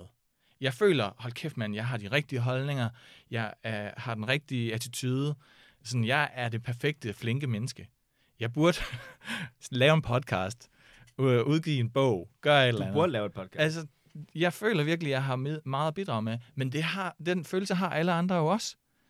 Så, så når jeg siger, jeg vil gerne øh, rense dine fliser og sådan noget, ikke? så er det også for at sige, jeg har øh, min flinkhed og min hjælpsomhed at bidrage med. Men jeg, jeg vil ikke udgive en blog. Det er også derfor, jeg ikke har fået lavet en god hjemmeside til mig selv endnu, eller den der forening øh, i øvrigt. Det er fordi, at jeg føler, at alt det, man skriver, når man laver et blogindlæg, sådan, det her er den perfekte chokoladekage. Det blogindlæg, der er blevet skrevet 10 millioner gange før. Hvis jeg skulle ind og skrive sådan, den her forening går op i fællesskab og, og øh, gensidig forpligtelse, det, det er jo det står jo overalt på internettet, ja. Ja. på alle organisationers beskrivelse. Så jeg føler bare, at der er ikke rigtig noget nyt, man kan bidrage med. Øh, og når jeg så ikke gider at køre i min bil, så kan jeg trække øh, klimakortet og sige, Nå, men det her det, det er den primære overvejelse for, hvorfor jeg ikke gider køre bil. Men der er rigtig mange andre overvejelser. Og jeg tror, vi alle sammen har de overvejelser, så det er ikke, fordi jeg skal sidde og øh, sige nogle guldkorn omkring det på et, på et øh, højt øh, åndeligt plan. Øh, det kan også bare være, at jeg ikke gider bruge de der ekstra timer på at køre helt derud, og så køre tilbage. Mm. Altså, i dag der undgik jeg at køre til Gjern øh, for at være i shelter med nogle venner, fordi at jeg ligesom havde den her aftale med dig som bagkant, og så var det bare upraktisk at køre så langt. Og så ja, så er det da en underliggende holdning, at, øh, at det er skamfuldt at brænde øh, fossile brændstoffer af, hvis ikke det er, er højst nødvendigt. Ja, men Og- det er ad hoc på den måde. Ja, det er ad hoc, fordi Ja. jeg har stadigvæk bilen, og jeg vil, i stedet for bare at kassere den til skrot, så vil jeg jo sælge den videre. Mm. Så øh, altså, der var engang en rigtig klog mand, der sagde til mig, at øh, det mest... Det, det, det, det, det, det, hvad, hvad sagde han egentlig? Han sagde, Hvor klog var han egentlig? han var mega klog, men Altså. det er lige sådan, lige skal lige... Øh, hvad var det egentlig, han sagde? Ja. Han sagde, at øh, den, den, som er hyggelig, er kun en hyggelig, hvis han ikke indrømmer, at han er hyggelig. Eller omvendt, han har nok i virkeligheden sagt, jeg øh, er ikke en hyggelig, fordi jeg ved, at jeg er en hyggelig. Mm. Så hvis jeg ved, at jeg er fejlbehæftet, ikke? At jeg øh, gør ting, som er uperfekte, og som, som, øh, som jeg gør uden eller na- af naivitet, eller hvor jeg ikke ved nok om det, jeg laver, øhm, så, så kan jeg stadigvæk gøre det med, med god samvittighed, hvis jeg indrømmer sådan, jamen det her det er, er ikke perfekt. Og, og jeg, jeg ved godt, at jeg ikke er, er klimaguden, som gør alle de, øh, de bæredygtige valg. Øh, så derfor så skal heller ikke bruge det som argument og sige, at jeg er klimaguden, mm. og Mm. det er derfor, jeg ikke kører i bil. Øh, fordi jeg gør alle mulige dumme ting. Klart. Men der er virkelig, jeg kan så også se nogle tiltag, som jeg virkelig øh, river håret ud af hovedbunden på mig selv over, at der ikke er sket endnu. Altså sådan noget som, at vi overhovedet stadigvæk har engangsemballage. Alting burde der være flergangsemballage. Eller, eller hvor at man øh, havde sådan et pantsystem, der, der galt for de her Ajax øh, plastikflasker, sådan at man betalte 10 kroner hver gang man købte et ny engangs Øh, emballage. så man skulle faktisk skynde, altså man skulle tage sin emballage med tilbage, og så i stedet for, at der, der stod øh, emballeret øh, Ajax på hylderne, så gik man hen i sådan en dispenser, og ligesom fik fyldt sine kander og sådan noget. Øh, der er jo sådan en... Øh, der er den her tendens af små butikker, der popper op, hvor man kan hente et kilo kikærter øh, og fylde på sin medbragte pose. Øh, eller at man får øh, ting i, i, i mål i stedet for pakket ind. Altså i stedet for seks æbler pakket ind i plastik og pap, så, så ligger de ligesom bare, og så skal man tage dem derfra. Øh, den, det der med emballering, det ved jeg, der er mange, der går op i. Øh, og også, øh, at øh, der er så meget skrald, i, øh, altså, der bliver smidt ud i container fra alle superbrug og sådan noget, ikke? hvor jeg tror, at overvejelsen for de her enkelte butikker, det er, at jamen, vi kan jo ikke have halvtomme butikker. Mm. Det går jo ikke, at hvis du skal have en liter mælk, og du kommer ind i Netto, og der kun er den her ene liter mælk, der står på hylden tilbage, ja. så er det som om, der er et eller andet vemmelse, sådan, ja. jeg skal ikke have den. Hvorfor har folk ikke taget den? Det er nok, fordi der er noget galt med den, ikke? Så, så de, vil gerne, de vil hellere smide x antal øh, 100 liter mælk ud, øh, end, end de vil forhindre madspil. Ja. Øh, så der, der, burde, der burde der være en eller anden ny måde at indrette butikker på, hvor man kun ligesom blev præsenteret for det ene produkt, og der var måske kun det ene produkt. Altså sådan, der var kun en række af mælk, og du kunne ikke se, om der var 10 eller kun den ene, sådan at du, at du ikke, øh, ikke købte den. Ja. Øhm, Der er også, eller at der er man, nogen, der kunne, vil- at man bedre kunne fremskrive forbruget. Altså nu, nu lyder det her måske lidt kommunistisk eller sådan noget, ikke med at plan, planlægge økonomien, og det er det vel egentlig også. Men jeg vil gerne øh, have, at man forhindrer øh, spild eller ressourcespil øh, generelt ved, øh, ved at, at dele viden mellem hinanden. Så, så hvis du ved, at man, du drikker så og så mange liter mælk, jamen, så skal Superbrugsen da vide dit privatforbrug, Ja. sådan at de kan tilrettelægge, hvor meget de køber ind. De burde have adgang til den slags information mm. i hele nabolaget. Men det er jo noget af det, som for eksempel er ved at... Altså, der er jo mange, der i hvert fald spår butikkens død, netop af den grund, at hele det her, øh, øh, hvad kan man sige, manglende kalibrering i forhold til det, det forbrug, der egentlig er ønske om, at den, altså det giver bare et ressourcespil, som er i sidste ende, Ja. øh, hvad kan man sige, finansielt eller økonomisk øh, dårligt for butikken. Og det er jo noget af det, som for eksempel online supermarkeder jo gør op med. Ikke? Ja. Der er en rigtig spændende virksomhed over i Canada, der hedder Good Food, som er sådan et elektronisk supermarked, øh, som kører den her model med, at for det første, de kører den her, du snakker med, og, og begrænse udvalget. Altså, der er ikke 20 former for øh, mayonnaise, du kan købe der. Der er to. Der er den luksusen, og så er der discounten, og det er det, du får.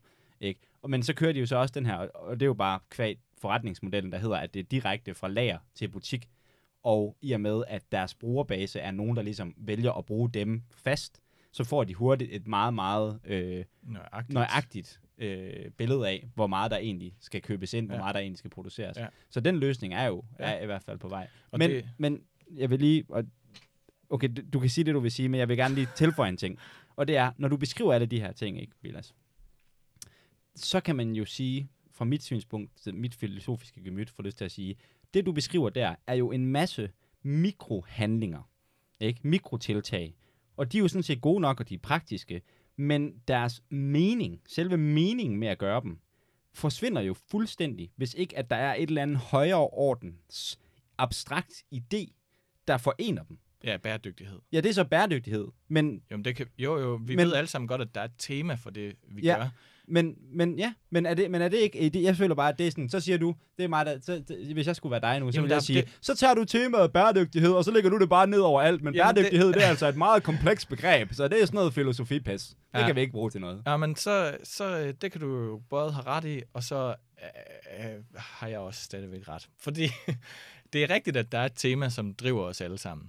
Og det er, som jeg tidligere sagde, sådan en bølge, som vi alle sammen rider på. Og derfor kan vi ikke sige, at vi hver især har opfundet, øh, eller øh, at jeg, jeg må godt tale om bæredygtighed, øh, fordi jeg ved alting om bæredygtighed. Nej, jeg ved ikke alting om bæredygtighed, og derfor skal, kan jeg ikke tillade mig at bruge bæredygtighed som rettesnor for alle mine handlinger, fordi jeg ikke ved nok om det. Og, og jeg ved ikke perfekt øh, alting om alle filosofiske retninger og, og, og termer og sådan noget. Og, og derfor synes jeg også, at, at så, er det ikke, så er det ikke korrekt af mig at, at sige, jamen, øh, på grund af at bæredygtighed skal brugen planlægge deres indkøb.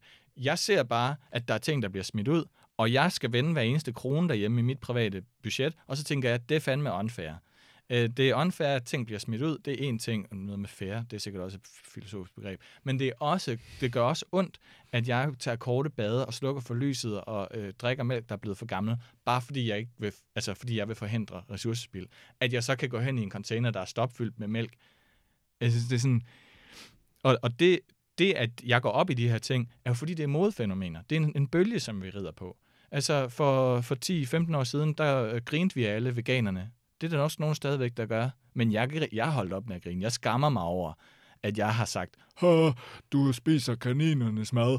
Øh, altså, øh, det, jeg var sådan en type, jeg hoppede bare med på det der, for det var mode dengang. Nu er moden, at vi skal være øh, med til at, at drive den grønne omstilling.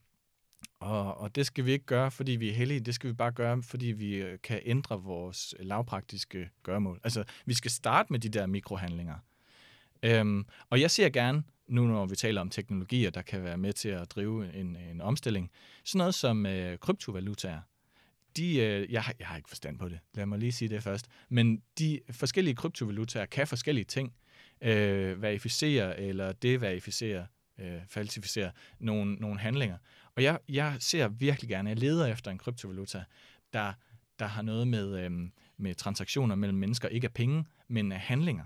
Sådan noget med, at jeg kan, jeg kan hjælpe min nabo med at rense hendes fliser, og så får jeg en eller anden form for like-værdi i, i point.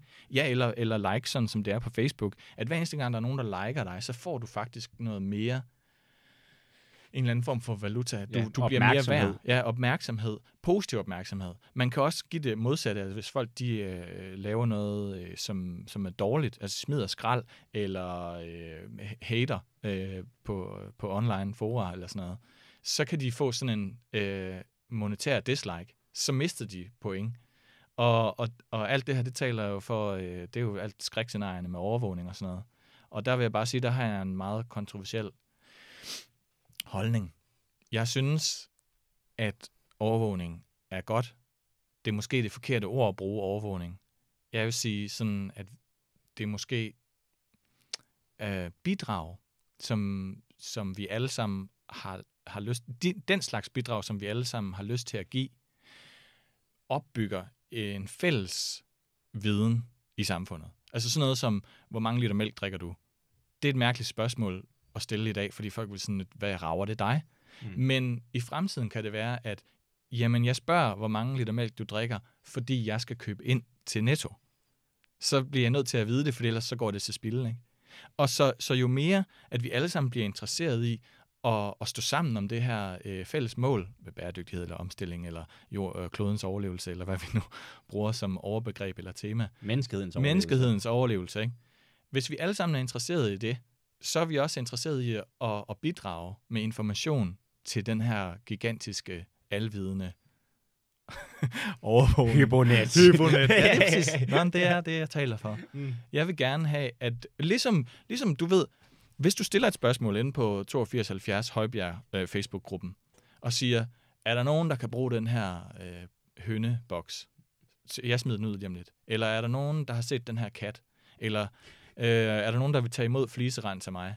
Altså, så folk de bidrager. Jeg bidrager med det opslag der, og folk de bidrager med, har du tænkt på øh, også at bruge noget fliserens, eller hvad vil du så gøre, når du har højtryksspule dem, fordi så bliver de jo ekstra modtagelige over for mos. Sådan, folk hjælper hinanden. Det gør de uden at få penge for det. Hvad gør de det egentlig for? De gør det, fordi de har et eller andet sådan abstrakt følelse af at bidrage til noget, som hjælper alle. Jeg tror endda, at dem, som hater på, altså sådan skriver til politikere og siger, jeg håber, at du rådner op i en rendesten, din klamme sæk, et eller andet. Jeg tror, at mens de skriver det, så tænker de, det her, det kan hun bruge til noget. ja, Det her, det, det, det så, så kan hun lige tænke lidt over det, og så finder hun ud af, at det var den forkerte politik, hun har ført. Altså sådan, Ja, jeg tror på, at folk, der taler på den måde, dem skal der også være plads til, og vi skal bare lige lære, at når det er, han siger sådan, så mener han nok i virkeligheden, Mm. jeg er uenig. Mm. øh, og, og alle de ting, der sker på internettet, på de sociale medier, det er mikrobidrag. Så, så jeg tror på, at det her det kommer til at ske. Og jeg tror på, at lige nu har jeg en kontroversiel øh, og meget politisk ukorrekt holdning, nemlig at vi alle sammen skal være overvåget i den videste udstrækning muligt, øh, fordi det hjælper til fælles bedste. Ja, det er da en forholdsvis øh, kontroversiel ho- holdning, som jeg, jeg tror ikke i og for sig er på den måde. Altså, jeg synes, jeg synes, der er mange, mange gode ting i det, og det kommer jo for helvede også bare, om vi ved det eller ej. Ja. Altså, sådan, det er jo på vej. Teknologien kommer det ja, der. det gør den. Og, og, og, og, og, og det er jo også fair nok. Jeg tror,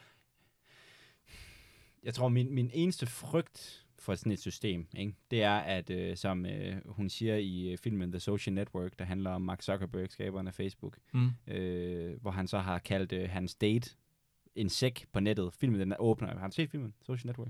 Øh, ja, men jeg kan ikke huske Okay, nogen film. fantastisk film. Den, den åbner på, med, hvor han er på date med en pige, og så sidder de og snakker, og han, du ved, er jo fucking GG, så hun afviser ham og så videre. Så går han hjem, drikker lidt bajer, og så det første, han gør på nettet, det er at skrive, hun er en fucking bitch. Så senere, så kommer han så hen for at sige, hey, du ved, jeg er ked af det, eller kan vi snakke, eller sådan, og så er hun sådan, the internet is not written in pen, Mark. It's written in ink.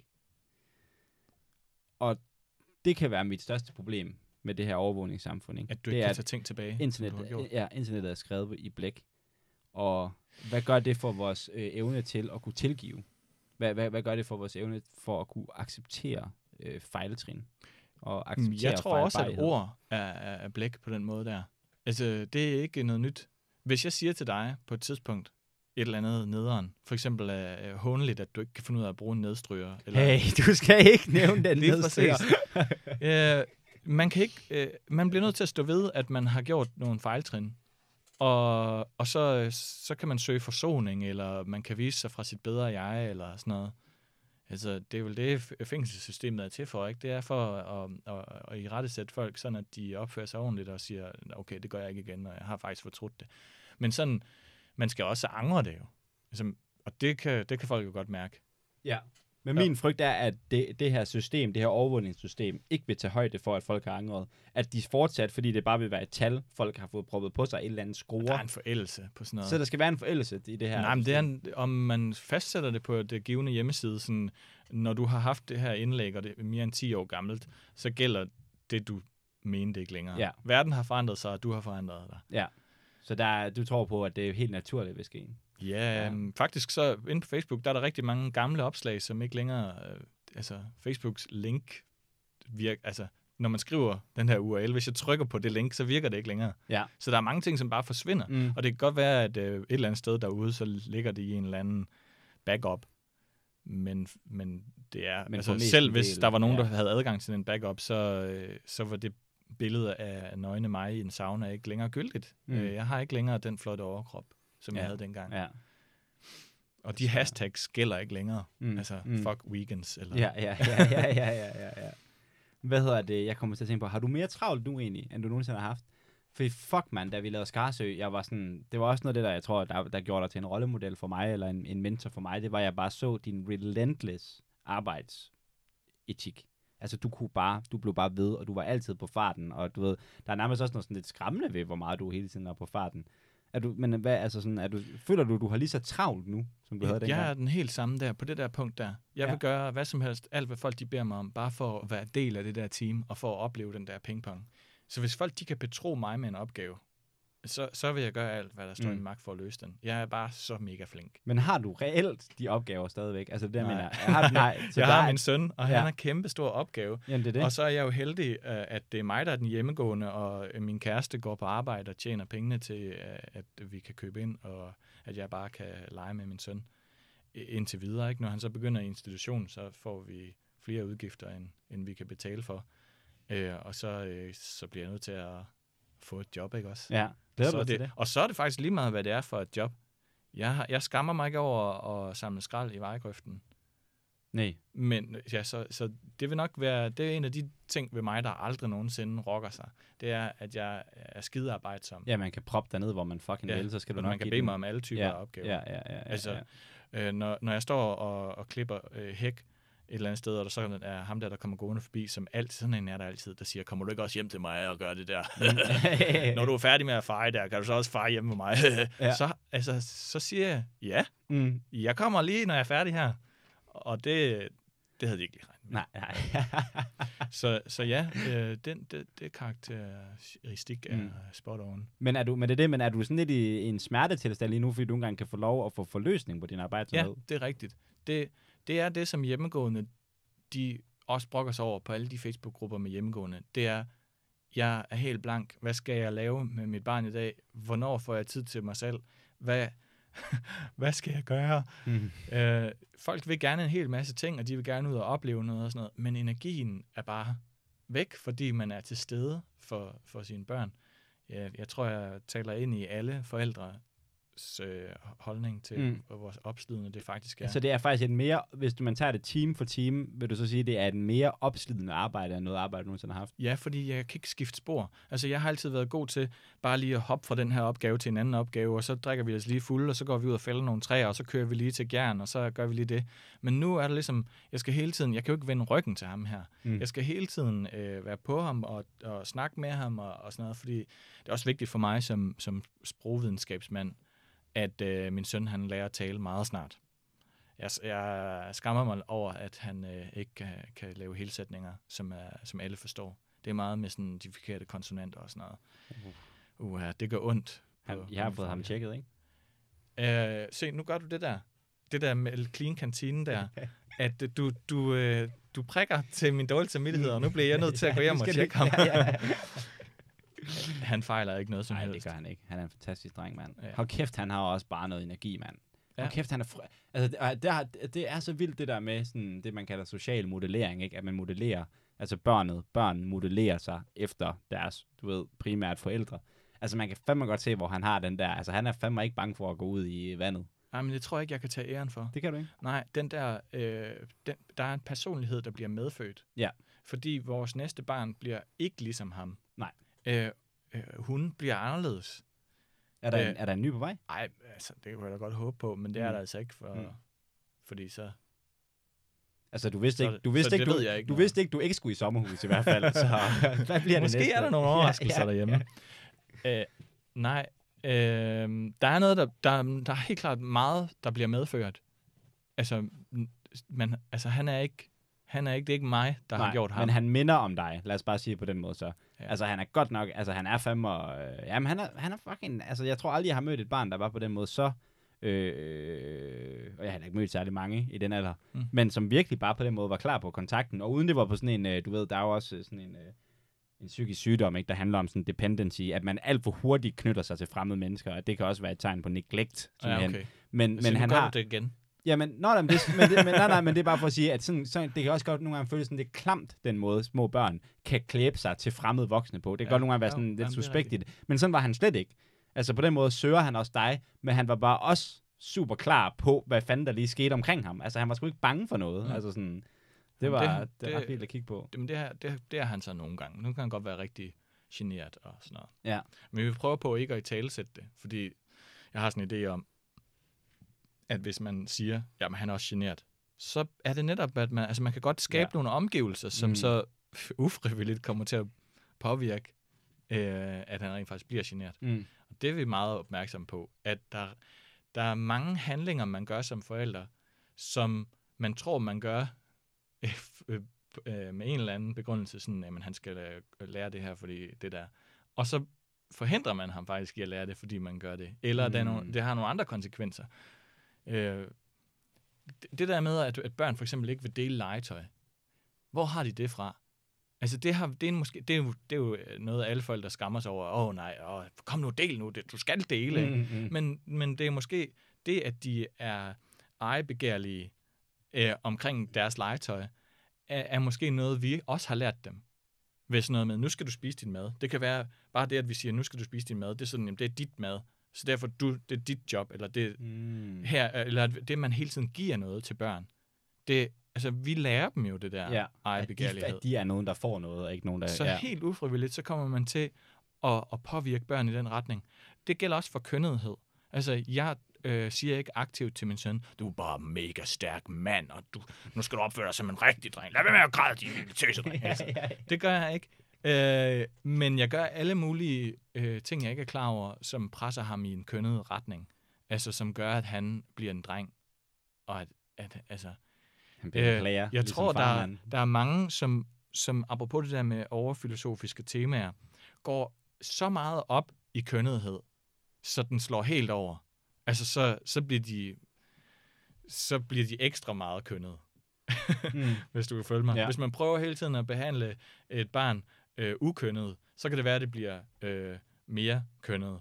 Øh, eller hvis man øh, øh, konstant prøver at, at, at øh, gøre alle de kønnede ting, at give en dreng øh, den farve tøj på, eller tale til en pige på den og den måde, så kan det være med til at gøre, gøre det omvendte. Mm. Ja. Jamen helt sikkert. Altså, Det er bare sådan, det er ja, med mange, ja, ja, mange og det må, jeg kunne også forestille mig, at det må sætte ind i en konstant øh, neurotisk tilstand af, hvad fanden gør jeg, og gør jeg det rigtige? Altså sådan Ja. alle de her overvejelser, man har, hvad fanden har jeg, altså sådan, fordi det er jo, der er så mange ting, mand. Ja, og alt, hvad man gør, der er der nogen på internettet, Ja. der har en holdning om, at det er det forkerte. Ja, ja, ja. Og, og når man møder nogle børnefamilier, og deres barn allerede godt kan tale, Mm. så har de brug for lige at knytte en kommentar til, jamen øh, det er fordi, vi taler med hende sådan og sådan, og vi synger de her børnesange og læser de her bøger. Det er derfor, hun kan tale. Mm, ja, jeg tror på det, og jeg har dårlig samvittighed nu, men derudover tror jeg også bare på, at øh, hun og hendes hjerne var lige parat til det. Ja. Hun må- havde det Og Einstein i- lærte først at tale, da han var fire. Ja, så, Den skal okay, man altså huske. Den skal ja. man huske, den der. Den er rigtig god at have med. Einstein, han bliver beskyldt for mange ting. Ja, det gør han. Der er mange ting. Mange ja, citater. Ja, mange. Ja, Bambi kan ikke lide glatis. Ja. Citat Einstein. ja, ja, ja. ja, man. Det er, prøv at det, det er, øh, det er weird det her med at, øh, det er weird det her med at stå i de her øh, sådan forandringsprocesser, sådan at, at det er jo ikke sådan, man kan, jeg tror ikke på, at man som menneske kan ændre sig, øh, eller få et nyt syn på tingene, ved at beslutte sig for at gøre det. Men det er bare som om, at der er ting, der sker ved os i livet, som bare af en eller anden grund tvinger os til at blive til nogle andre mennesker, end vi er. Ja, Øh, Og, og meget af det er ikke din egen vilje. Nej, det er en nej, bølge, det er vi, det. vi rider på. det ikke? sker bare. Der er strømninger i Ja, samfundet, som ja, ja, ja. påvirker dig i den retning. Ja. Øh, så så øh, bæredygtighed og kønsdebatten og ligestilling og, og borgerkrigstruslen eller øh, økonomisk ustabilitet i, i verden og alle de der trusler mm. Mm. og temaer, som mm. der Mm. er lige for tiden, mm. Mm. de påvirker os til at gøre bestemte ting Mm, øh, og træffe bestemte valg, som, som vi tror, øh, vi gør bevidst, mm. øh, og som vi i virkeligheden gør bevidst. Ja, ikke herover. Jeg havde en, jeg lavede et super interessant podcast med nogle venner her forleden fra en psykolog og en teolog, en, min tutor og gode ven Tave, og så hans rigtig gode venner også, til ham også en af mine egne venner, bestemt Rasmus, hvor at så er der blevet spurgt, hvad er meningen med livet? Og så siger mig og Tave, vi kommer med vores svar. Men så siger Rasmus noget rigtig klogt, synes jeg. Han siger, der, der, du ved, måske er der ikke så meget mening i spørgsmålet, hvad er meningen med livet? Måske burde vi hellere spørge, hvad er livets mening med os? Sk- sådan noget skæbne noget, eller hvad? Ja, eller bare en måde at sige på, at du ved, sådan, du har ikke nogen kontrol. Man skal bare livet, give efter livet, for de ting, livet, du livet i. giver dig din mening helt automatisk. Du ved, livet gør nogle ting med dig. Livet, det tvinger dig hen i nogle steder, du ikke kan gøre noget ved, mand. Mm. Du skal have nogle børn. Ja. Det kan du ikke gøre noget ved, mand. Det kan du ikke have en holdning til. Jamen, det er Det derfor, det er sker så bare. svært, når folk stiller en, en spørgsmålet, hvorfor har du ikke gjort det her? Ja. Altså, hvorfor har du ikke øh, din egen gård endnu, Vilas? Hvorfor har du ikke købt en elbil? Mm. Hvorfor kan dit barn ikke tale endnu? Altså sådan, øh, jeg, jeg vil gerne have brudt ud af min skæbne. Jeg vil gerne have brudt ud af min øh, sociale arv. Men det kan godt være decideret umuligt at træde ud af. Øh, og, og selvom det er muligt, så er det måske lige så godt bare at acceptere, jeg er, hvor jeg er, øh, og, og det bliver jeg nødt til at, at arbejde øh, ud fra, i stedet for at bekæmpe det. Og det er jo skide nemt for mig at sige, jeg er så privilegeret. Altså, jeg har, jeg har ingen bekymringer. Der er ikke nogen naboer, der prøver at slå mig ihjel. Der er, jeg bliver ikke kastet sten igennem min rode. Der er ikke nogen, der stjæler min cykel. Eller min barnevogn. Øh, eller øh, mit, mit barn er ikke øh, lamt, eller øh, bliver udsat for vold. Eller, der, der er ikke noget at bekymre sig for. Der er mad nede i Netto, og du ved, folk øh, er faktisk flinke. Det, altså, ja. Det var bare for at sige, at jeg har det ikke slemt. Du har det godt. Jeg har Du det har rigtig det godt. faktisk rigtig godt. Og, og det der med meningen med livet, det kommer altid til at have sådan en eller anden idé om, at øh, der er noget fortabthed over tilværelsen. Mm. At vi, øh, at vi sådan bare svæver igennem sådan en, åh oh, nej, åh oh, nej, hvad, hvad sker der for mig? Mm. Åh, oh, det hvad skal jeg dog stille op? men, men vi er fucking bare heldige at være i live, og, og, øh, og vi kan hjælpe hinanden og gøre ting for hinanden Mm. og det skal vi gøre. Og så er der rigtig meget øh, frygt derude. Du siger noget med autoritet og øh, øh, virusepidemier og sådan noget, ikke? At det kan være med til at sk- skabe sådan noget autoritet, Ja, ikke? det er du bange for. Det Ja, Tal ja, ja, ja, ja men jeg er bange for alt det der ensrettende, som gør, at vi lige pludselig holder op med at gøre de ting, vi hver især har lyst til, eller hver især har kendetegn. Øh, så vi skal, vi skal hele tiden prøve at- være den, vi er. Og ikke lade os øh, øh, blive forvirret af sådan, åh, men jeg skulle jo have været øh, husejer nu, eller øh, jeg skulle jo have nået at tjene min første million, eller jeg skulle måske ikke have, have været en dreng. Eller, altså sådan, der er masser af ting, som vi går og bekymrer os over, fordi, og det er på grund af den der ensretning. Vi bliver presset af folk til at gøre en nogle bestemte ting. Det er skide øh, synd for alle dem, der stikker en lille smule ud. Og det, og det gør vi alle sammen. Vi stikker alle sammen en lille smule ud på hver sin måde. Mm. Øhm, ja, altså for eksempel det der med, at jeg har lyst til at hjælpe mine naboer, men de er bare sådan, fremmede mennesker skal fucking ikke komme ind og rense mine fliser. Ja. Og der var også flere af dem derinde på gruppen, som sagde, det der, det er for godt til at være sandt. Ham der, han er en scammer. Ikke? Det, Seriøst? det er fordi, at folk bare går ud fra, at øh, folk er ved mig det værste, Mm. og øh, lige snart der er nogen, der stikker udenfor, jamen så er det nok, fordi der er noget galt med dem. Ikke? Og, og så må der være noget galt med mig, fordi øh, jeg vil virkelig gerne stikke ud der.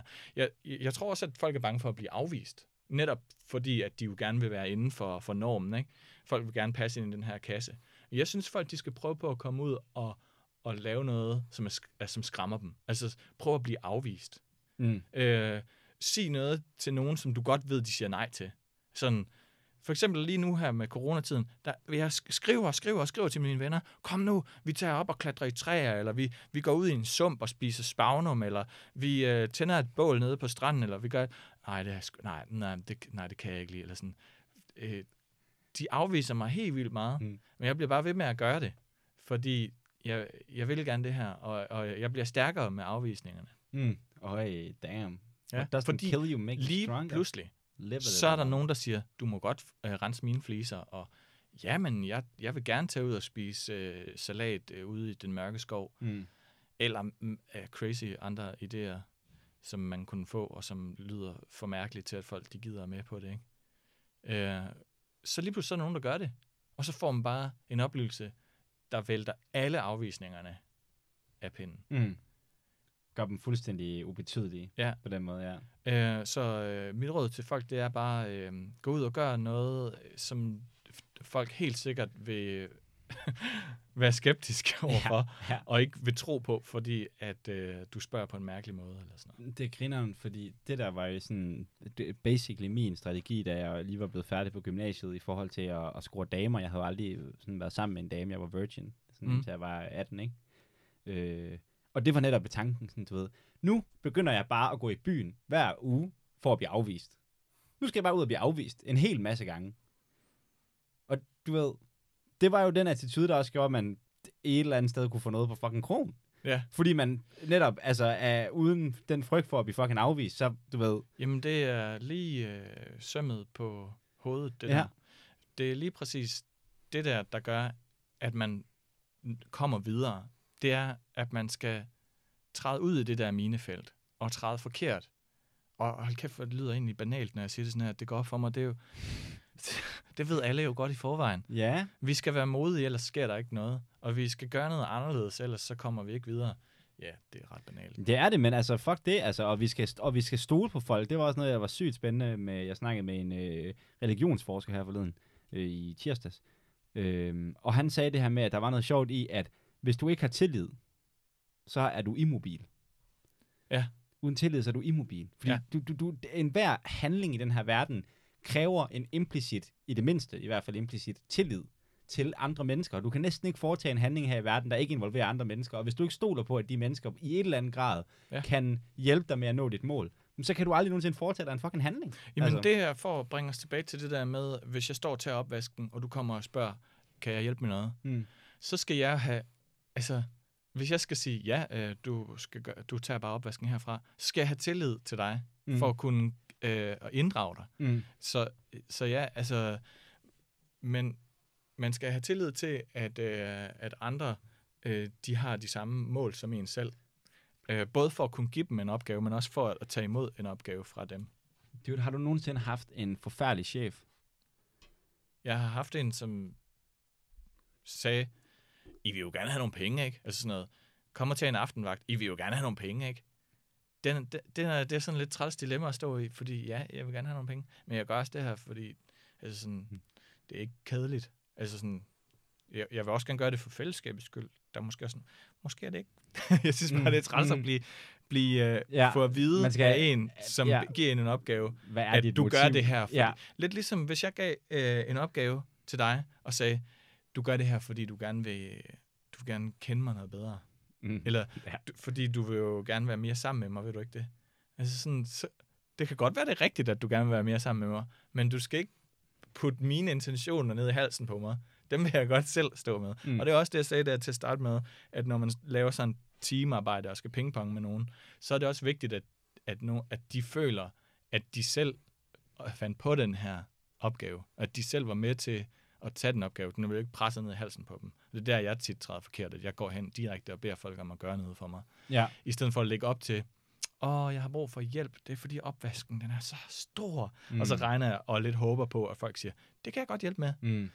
Så, og det er det, nogle chefer, de, øh, de gør det på den trælse måde, hvor de siger, du skal til opvasken, for du laver jo alligevel ikke noget. Ja. Eller, Ja. det, det er du jo så god til. Eller, det er fordi, du er kvinden, at du skal gøre det her. Altså det der med at komme med nogle ekstra forklaringer på, hvorfor det er, at de har lyst til at gøre opgaven, så, så bliver folk jo øh, øh, anonymiseret eller tænksliggjort eller sådan noget, ikke? og det er der ingen, der kan lide. Mm, mm, mm. Og jeg tror også, folk er, altså, at folk er også bare sultne efter den der anerkendelse for arbejdet, når de har gjort det. Ikke? Ja, Altså, at det er også ja. Sindssygt vigtigt, at folk, de gør sgu ikke noget, hvis ikke de får et rygklap bagefter. Altså Ja. den der med at men se mig. rygklappet er afhængigt af, at det var noget, de gjorde på deres eget initiativ. Ja. Du kan ikke blive rygklappet Nej. for, hvis du nu er slave, mm. ikke?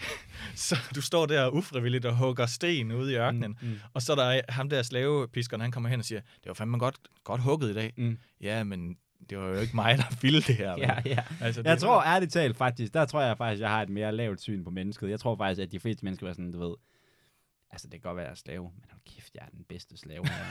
In this det, motherfucker. Ja, nej, nu du siger det på den måde, det er Mm. rigtigt nok. Er det ikke det Mm. der, der hedder Stockholm-syndromet eller sådan noget? Jo, eller nej, jeg tror bare, det er et naturligt sådan, forsøg på at vil have noget status, lige meget hvad for hierarki du er i. Det er jo da også derfor, man kunne få du ved, jøder i barakkerne til at du ved, stikke deres med, venner og deres øh, med, medfælder, fordi at du ved, hey, dude, tag lige den her, prøv lige at tage det her armbånd på, mand. Nu er du leder af barakken, dude. Så skal du bare lige fortælle os, hvad der sker, men så er vi altså også gode venner, og det skal du bare vide, du er altså den bedste jøde. Det kan godt være, at du skal dø om to uger, ligesom alle andre her. Men i de her to uger, min ven, så er du altså top 20 i den her barak. Og det var der jo folk, der gladeligt sagde ja til. Jeg føler lidt, du trak Hitler-kortet der. Du, du ved, når man sidder og har en diskussion med nogen, så, Ja. så hvis man trækker Ja, sådan det noget hedder som eller andet. Der er en lov. Der er en lov. Ja, du må ikke bruge jødernes udryddelse og jødeforfølgelse, Mm. eller Hitler. Hvilken udryddelse må jeg så bruge? det er fordi, det sikkert, du ved, det sætter ting i et meget Ja, men så lad os tage stikkerne i, Ja. ja. hvad hedder det, i de kinesiske, hvad hedder det, boligkomplekser, ikke? Under øh, Mao Zedong, ikke? Det Ja. er jo det samme, ikke? Du kan, få, øh, du, kan, du kan få folk ind i en øh, betonblok, hvor de skal bo i kummerlige forhold, op og ned af hinanden. Men partiets mand til gengæld, han får altså lige et æble mere end alle de andre. Nå, men så er det jo det, der er ja, ja, drivkraften, ikke? ja, ja, det er da rigtigt, men altså, jeg tror da, at den der og ikke begynd... anerkendelsen. Ja, det, det kan du måske have ret i, men jeg tror, at den anerkendelse kan du ikke komme ud... Altså, jeg tror ikke, du kommer ud om, at den okay. anerkendelse, Jamen, den har lidt at gøre. Nej, men det, det er nok rigtigt nok. Det ved jeg, altså, det ved Så kommer man lige pludselig til at gerne og vil blive set op til af dem, der udnytter dig. Ja. ja. Og, og jeg får tit at vide, når jeg gør noget frivilligt for folk, Vilas, du bliver jo bare udnyttet. Der er folk, de, de sætter jo ikke pris på, at du øh, højtryksrenser deres fliser, eller øh, hjælper dem over vejen, eller øh, giver dem en plads foran i køen, eller whatever. De vil jo bare gerne udnytte dig, og du er glemt bagefter. Altså sådan, den der anerkendelse, man tror, man får, den er ikke noget værd. Mm. Det er der mange, der, der siger, men, men aner- anerkendelsen er meget værd. Øh, mm. Og det giver en en illusion om, at vi står sammen i det her samfund. Ikke? Mm. At I, nu gav jeg nogen øh, noget ekstra plads til at være i det her samfund, og jeg gav dem lov til et eller andet. Gav dem noget kærlighed, og så giver de mig noget kærlighed tilbage på et eller andet punkt. Ikke? Men der skal man have den der tillid, du nævner. Mm. Øh, man skal have en tillid til, at når jeg gør noget for nogen, så kommer det tilbage på en eller anden måde. Mm. Øh, og det er sammenhængskraften i et Mm. samfund. Har du hørt om kærlighedssprog? Nej. Det er sådan en, øh, hvad kan man sige, sådan en pseudopsykologisk teori om, at folk de ligesom har nogle forskellige kærlighedssprog, de bruger i relationer til andre. Så man kan enten, du ved, give sin tid, man kan give tjenester, man kan give gaver, man kan give, du ved, øh, berøring. Og det, der så er interessant ved teorien, jeg synes det er meget sjovt, ikke? Altså det er, at man, folk har ligesom både en måde, de viser kærlighed på, men der er også en måde, de tager imod kærlighed på. Altså en måde, de, hvor de føler sig elsket af andre, når de gør det over for dem. Det er sådan noget, man typisk, altså det er jo ja. mest prominent i sådan et kærlighedsforhold, ikke? Ja.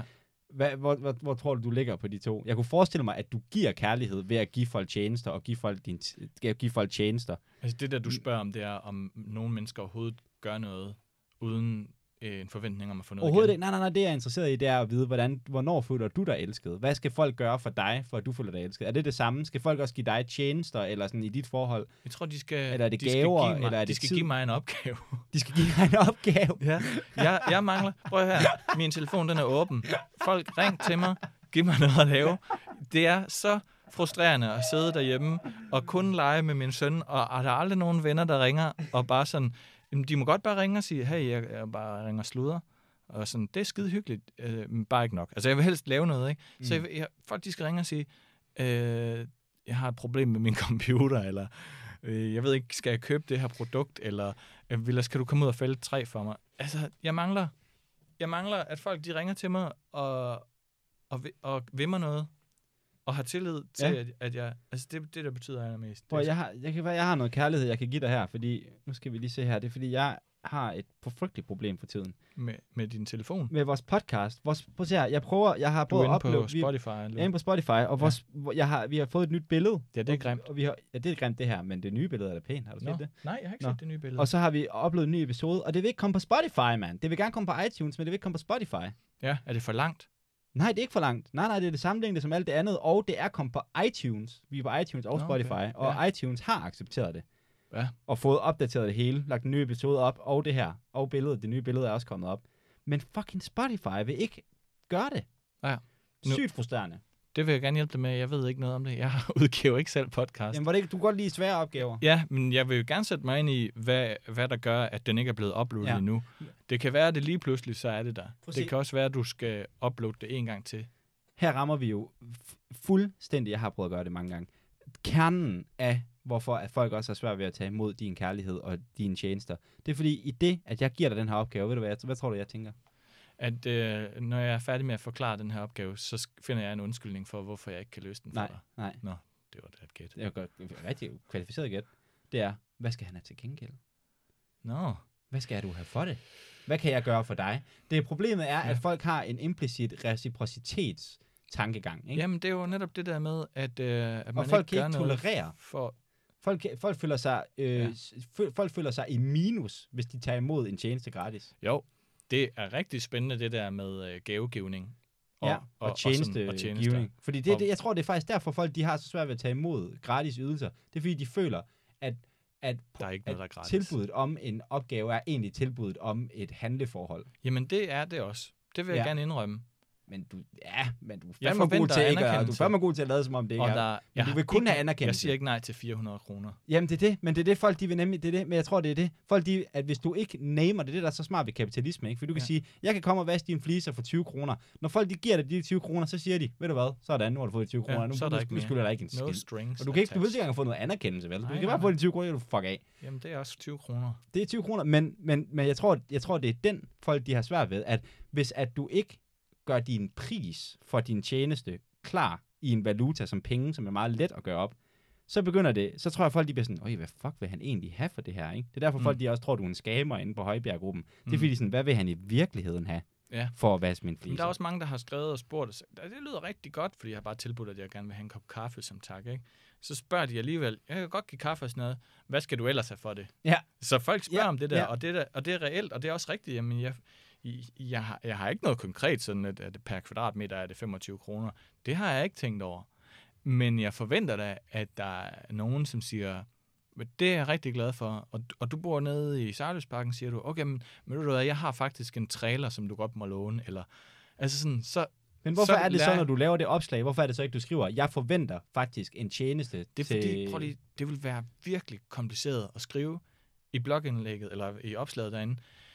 Jeg vil gerne komme og gøre dig en tjeneste. Mm. Til gengæld, og så den her store forventning om den relation, som vi kommer til at have og være er gensidigt forpligtet over for hinanden. Altså, når jeg giver dig en gave i forbindelse med din fødselsdag, øh, og den er pænt pakket ind, og det er måske bare en, en hasselnød eller et eller andet, ikke, som jeg har fundet, og så tænkte jeg på dig, så, så, øh, for, så forventer jeg nogle ting af dig, som du godt er klar over, fordi du har nået en vis alder og har fået øh, tilpas mange gaver og tilpas mange nederlag og skuffelser og sådan noget, til at du ved, hvad der er den øh, passende respons til det. Hvis du ikke ved, hvorfor det lige præcis er en hasselnød, jeg giver dig, og du bare sådan, hvad er det her? Hvorfor?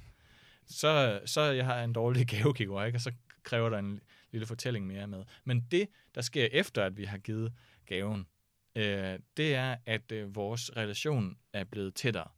Så kan jeg næste gang, øh, så kan jeg forvente, at du giver mig eller andet. Men jeg, jeg skal ikke, jeg skal ikke pinedød forvente det. Ja. Den er bare ligesom, det er mere sandsynligt nu. Ja. Det er ligesom, når jeg ruller min telefonbog igennem her, hvor der ikke er nogen, der har ringet til mig i to år, ikke? Øh, og ruller igennem og siger, hvem kan jeg egentlig få til at hjælpe mig med det her givende problem? Jeg har rigtig mange problemer, jeg gerne vil, lidt ligesom du havde med podcasten der, at den ikke blev uploadet. Jeg har tusind problemer, jeg har lyst til, at folk skulle løse for mig. Jeg ved bare ikke, hvem af mine relationer, som skylder mig noget nok til, at jeg godt må ringe til dem. Så i dag for eksempel, der, øh, der skrev jeg til en øh, pige, som er øh, sådan en, der laver sejl til skibe. Og hun ved noget om symaskiner og sådan noget med at, at reparere sømmen i, i mit telt. Ikke? Øh, og, og, og jeg havde det bare dårligt, mens jeg skrev til hende, fordi for- det første det der med, at jeg ved godt, at jeg bliver afvist nu, og den afvisning er højst sandsynligt, at hun ikke svarer, at hun bare tænker, idiot, Mm. hvorfor skriver du til mig, du har, vi har ikke snakket sammen i flere år. Øhm, og det andet er, at øh, hun føler ikke, hun skylder mig noget, så hvorfor skulle hun svare? Ikke? Så, så det, det er super ressourcefuldt at have folk, som man gør tjenester for, fordi på et eller andet punkt, så ligger der et eller andet inde i, i mennesket, det der reciprocitet, du snakker om, gensidig forpligtelse, øh, at øh, jeg, kan go- jeg fortjener faktisk folks hjælp. Jeg er så skide flink selv. Jeg river mit hjerte ud for at give folk en god oplevelse og hjælpe dem, om jeg kan det eller ej. Så øh, jeg regner også med, at nogen vil gøre noget for mig. Ja, men, du, men, men, men, men det er det. Men, if, men jeg tror også, det er det, der jeg synes, der er fejlen i din fortælling. Det er, at du siger, at du er så skide flink, men det er du jo ikke. Du er bare ligesom alle andre, mand. Ja, Du det, vil bare det have folk, så også du vil sagt. bare have folk, de river deres hjerte ud for dig, og du vil gerne rive dit hjerte ud for dig. Dem. Ja, That's og jo it. mere vi river hjertet, jo tættere kommer vi Ja, på hinanden. jo tættere kommer vi på hinanden. Men det gør, men altså, jeg tror, jeg tror bare, at hvis man, jeg, jeg føler faktisk nærmest, at der er noget uærligt over at gå ind på en gruppe og skrive. Jeg synes, det, er sådan, det minder mig sådan lidt om sådan noget, du ved, nogle gamle, sådan, du ved, aristokratiske samfund, hvor de sådan i toppen af adelen, så er de sådan, hmm, giv ham, du ved, giv ham øh, sådan min bedste slave. Og så sådan, du ved, har man, så har man det i gang med at gøre kur til sådan en folk, og så er det sådan, så bygger så har man den på krogen. så har man på krogen, så bygger man et game, ikke? Det er sådan lidt, øh, du Jo. ved, I'm making man up for godt- One day a day will Det come where I might ask you for a jeg, favor, ikke? Jeg har selv en oplevelse af en øh, nabo, jeg engang havde, Mm. som øh, prøvede at blive allieret med mig, fordi at så kunne vi godt. hate på øh, dem på tredje sal, ja. som røg has. Mm. Og så hun ville gerne have, at øh, vi vendte os imod dem. Så kom hun sådan og gav os et magasin eller en plade chokolade eller et eller andet for ligesom at... Og, og så kunne hun lige få vores øh, gunst, ikke? og så skyldte vi hende noget, nemlig at vi skulle melde dem for at ryge has. Og det er bare så ondt, når man har en, en, øh, en uærlig, øh, negativ intention med ens øh, po- positive relationsknytning. Ikke? Eller, det var virkelig højt ravne, det der. Jeg forstår. Jeg siger bare, når det er, man giver en gave, så kan det godt være, at man kan indrømme, ja, selvfølgelig er der i gavegivning en forventning om et eller andet tilbage, men hvis jeg ikke udsiger det, hvis jeg ikke siger det højt til dig, så er det ikke skamfuldt og amoralsk. Øh, Og hvis jeg ikke, endnu bedre, hvis jeg ikke engang selv tænker det, når jeg giver dig gaven. Men det gør du jo. Det er jo det, jeg- det, er det, du siger. Det er det, du sidder og indrømmer her. Det er, du siger, du går ind på, så siger jeg skal bare have en kop kaffe. Men ikke en skid, du skal have en kop kaffe. Du skal have alt muligt andet, mand. Ja, jeg vil gerne have naboskab, Ja. og jeg vil gerne være del af et team, Ja. hvor vi pingponger Ja. helt vildt godt. Ja. Og ingen af mine venner ringer til mig lige for tiden. Ja, men altså, ja, ja, præcis. tilbyder mig Look where it got you, man. Men altså sådan, du ved, når du skriver ind i den der Højbjerg-gruppe, hvorfor er det ikke bare, du skriver, jeg forventer en tjeneste? Bare en tjeneste tilbage, til, til, til, øh, til, til, tilbage. så vil kommentarsporet handle om, hvad det var. Ja. Så det er bedre. Nogle gange, der er det der, der hedder øhm, tildækkede talehandlinger og utildækkede talehandlinger. Mm. Hvis du for eksempel går i byen, og så møder du en, så siger du, øh, skal vi bolle? Ja. Så siger hun formentlig, øh, nej, Ja. hvorfor spørger du egentlig om det Det her? er sjovt, at det virker så, for piger. Hvis for du, drenge. ja, ja, jo, det er rigtigt. Det studie har man lavet, ja. Ja, ikke at... Øh, Faktisk så vil drenge øh, i højere grad sige ja til bare bolle end en, det, en kop kaffe. okay. Nå, men lige meget. Men jeg forstår, ja. Ja, men det, du har allerede skudt mit argument ned. Det, det jeg siger, det er, at man kan godt, man kan godt øhm, sige noget lige ud. Øh, det kan man godt, men så kommer det til at handle om, om, om det, du sagde der. Så hvis jeg nu siger, afslut nu det her interview, ikke? Mm, ja. eller sådan i telefonen sagde til mig, jeg gider ikke snakke med dig længere, ja, og så lægger på, så kommer vores relation til at handle om det. ja. Det er ligesom for åbent lyst sagt. Så når, så når folk de blærer sig med, at jeg taler meget direkte, og det har jeg også gjort i det her interview, jeg har sagt, jeg vil gerne bare give folk en opgave, sige, du skal gå ud og hugge brænde, og så er det sådan, det er. Øh, Det er en form for ærlighed at tale direkte til hinanden, men det kommer også, det ødelægger også øhm, den der relationsopbyggelse. Fordi så, så kommer der ikke til at være det der spil, hvor vi bliver tættere på hinanden. Så, så kommer man til at afsløre nogle intentioner. Og, og det er ikke altid sort-hvidt, så jeg kan ikke sige til dig bare sådan, øh, hvis, hvis jeg ser en pige, så kan jeg ikke bare sige, øh, bold med mig. Mm. Øh, fordi det er jo ikke kun det, det handler om. Øh, så det der med at tildække sine talehandlinger og gå hen og sige, jeg så, du stod alene hen i barn. Det kan godt være, at det er noget slet slætsk snyd, det hele, ikke? Og jamen, du er bare ude på én ting. Ja, det er jeg. Ej, jeg, jeg er faktisk ude på rigtig mange ting, men, øhm, men jeg er drevet af, af én ting primært. Altså, det bliver Ja. meget kompliceret, hvis du skal til at være ærlig omkring, hej, jeg så derhen, jeg er på udsigt efter en mage, mm. men det, som vi, der, vi nu kan snakke om, Mm. det er, at det regner udenfor. Mm. Mm, Altså, ja. du kan jo godt opfinde... Det, det, det handler om at opfinde en, en, hel, en hel masse fortællinger, og som bringer en tættere på hinanden. Hvis det er, at vi kommer til at, at være for åbenlyse omkring ting, så kommer det til at handle om den ene ting. ja. Så, og livet handler om mange ting, Mm. og vores relationer handler om mange ting. Mm. Det er ikke, jeg er ikke kun venner med folk, fordi de skal gøre mig tjenester. Jeg er også venner med dem på grund af tillid. At, Ja. ja. at de føler, at der er nogen, der er der for dem, og alle mulige Mm. andre øh, overtemaer. Mm. Bæredygtighed. Vi står Mm. sammen om Ja, bæredygtighed. ja, ja. Øh, eller andre fællesskaber. Øh, så selvom... Altså, hvis jeg er helt ærlig omkring, at jeg gerne vil øh, have øh, mine naboer til at hjælpe mig med at sy mit telt, så det ikke...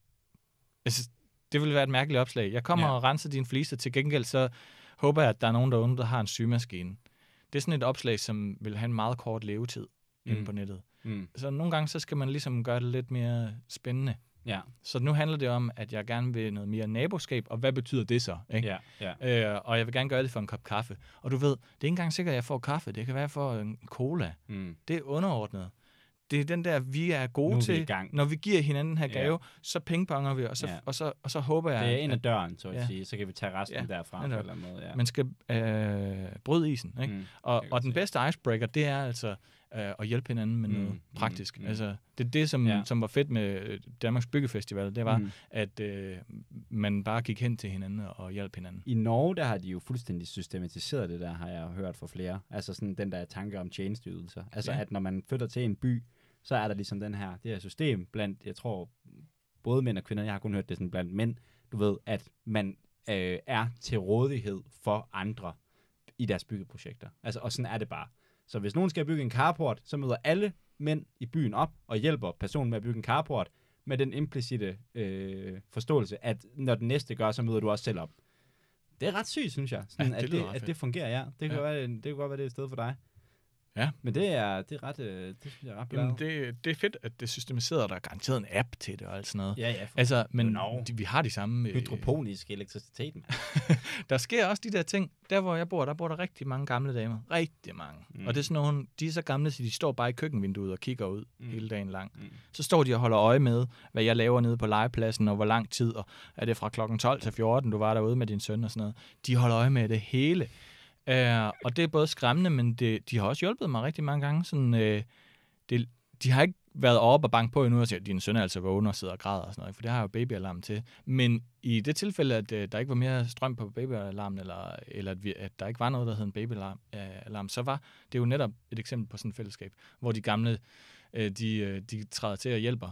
Og hvorfor hjælper de så, Asbjørn? Mm. Altså, har de en eller anden, så skal du også hjælpe mig med at bære Det, indkøbssække det er jo fordi, deres, deres øh, hvad kan man sige, mest eftertragtede ressourcer, det er jo bare menneskekontakt. Det er fordi, de sidder der og kukkelurer i lejligheden dagen Ja. lang. Det er jo bare det at få lov at snakke med et andet menneske. Det er jo gave nok i sig selv for dem.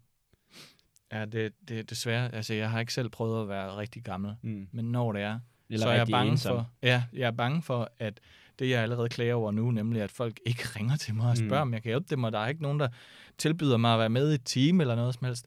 Øh, det føler jeg, det er ensomhed, det der. Ja, Ja, mand. forestil dig, når vi så bliver virkelig gamle, så er der endnu færre, Mm. der har lyst til at snakke med os. Det kan være, du skal til en lille... Jeg tror ærligt til, at jeg godt kunne se dig i en lille landsby. Det tror jeg, du ville trives rigtig godt i. mm. Hvor en der var udadvendt den- landsby. Ja, en udadvendt landsby, men en landsby, hvor, at, at der ligesom, hvor der var sådan en helt grundlæggende forståelse af, at vi kommer hinanden ved her, Ja. og vi hjælper hinanden med ting. Det, kan, det er faktisk, øh, altså der findes to slags øh, landsbysamfund. Ikke? Der findes dem der, hvor der er sådan nogle små parcelhusagtige bebyggelser med en meget tæt klippet hæk, og alt er revet inde i deres øh, græsplæne, står helt skarp og sådan noget. Og så har de havenisser og sådan noget. Jeg ved, du ved, hvad jeg snakker Ja, om for ja, en type mennesker. ja.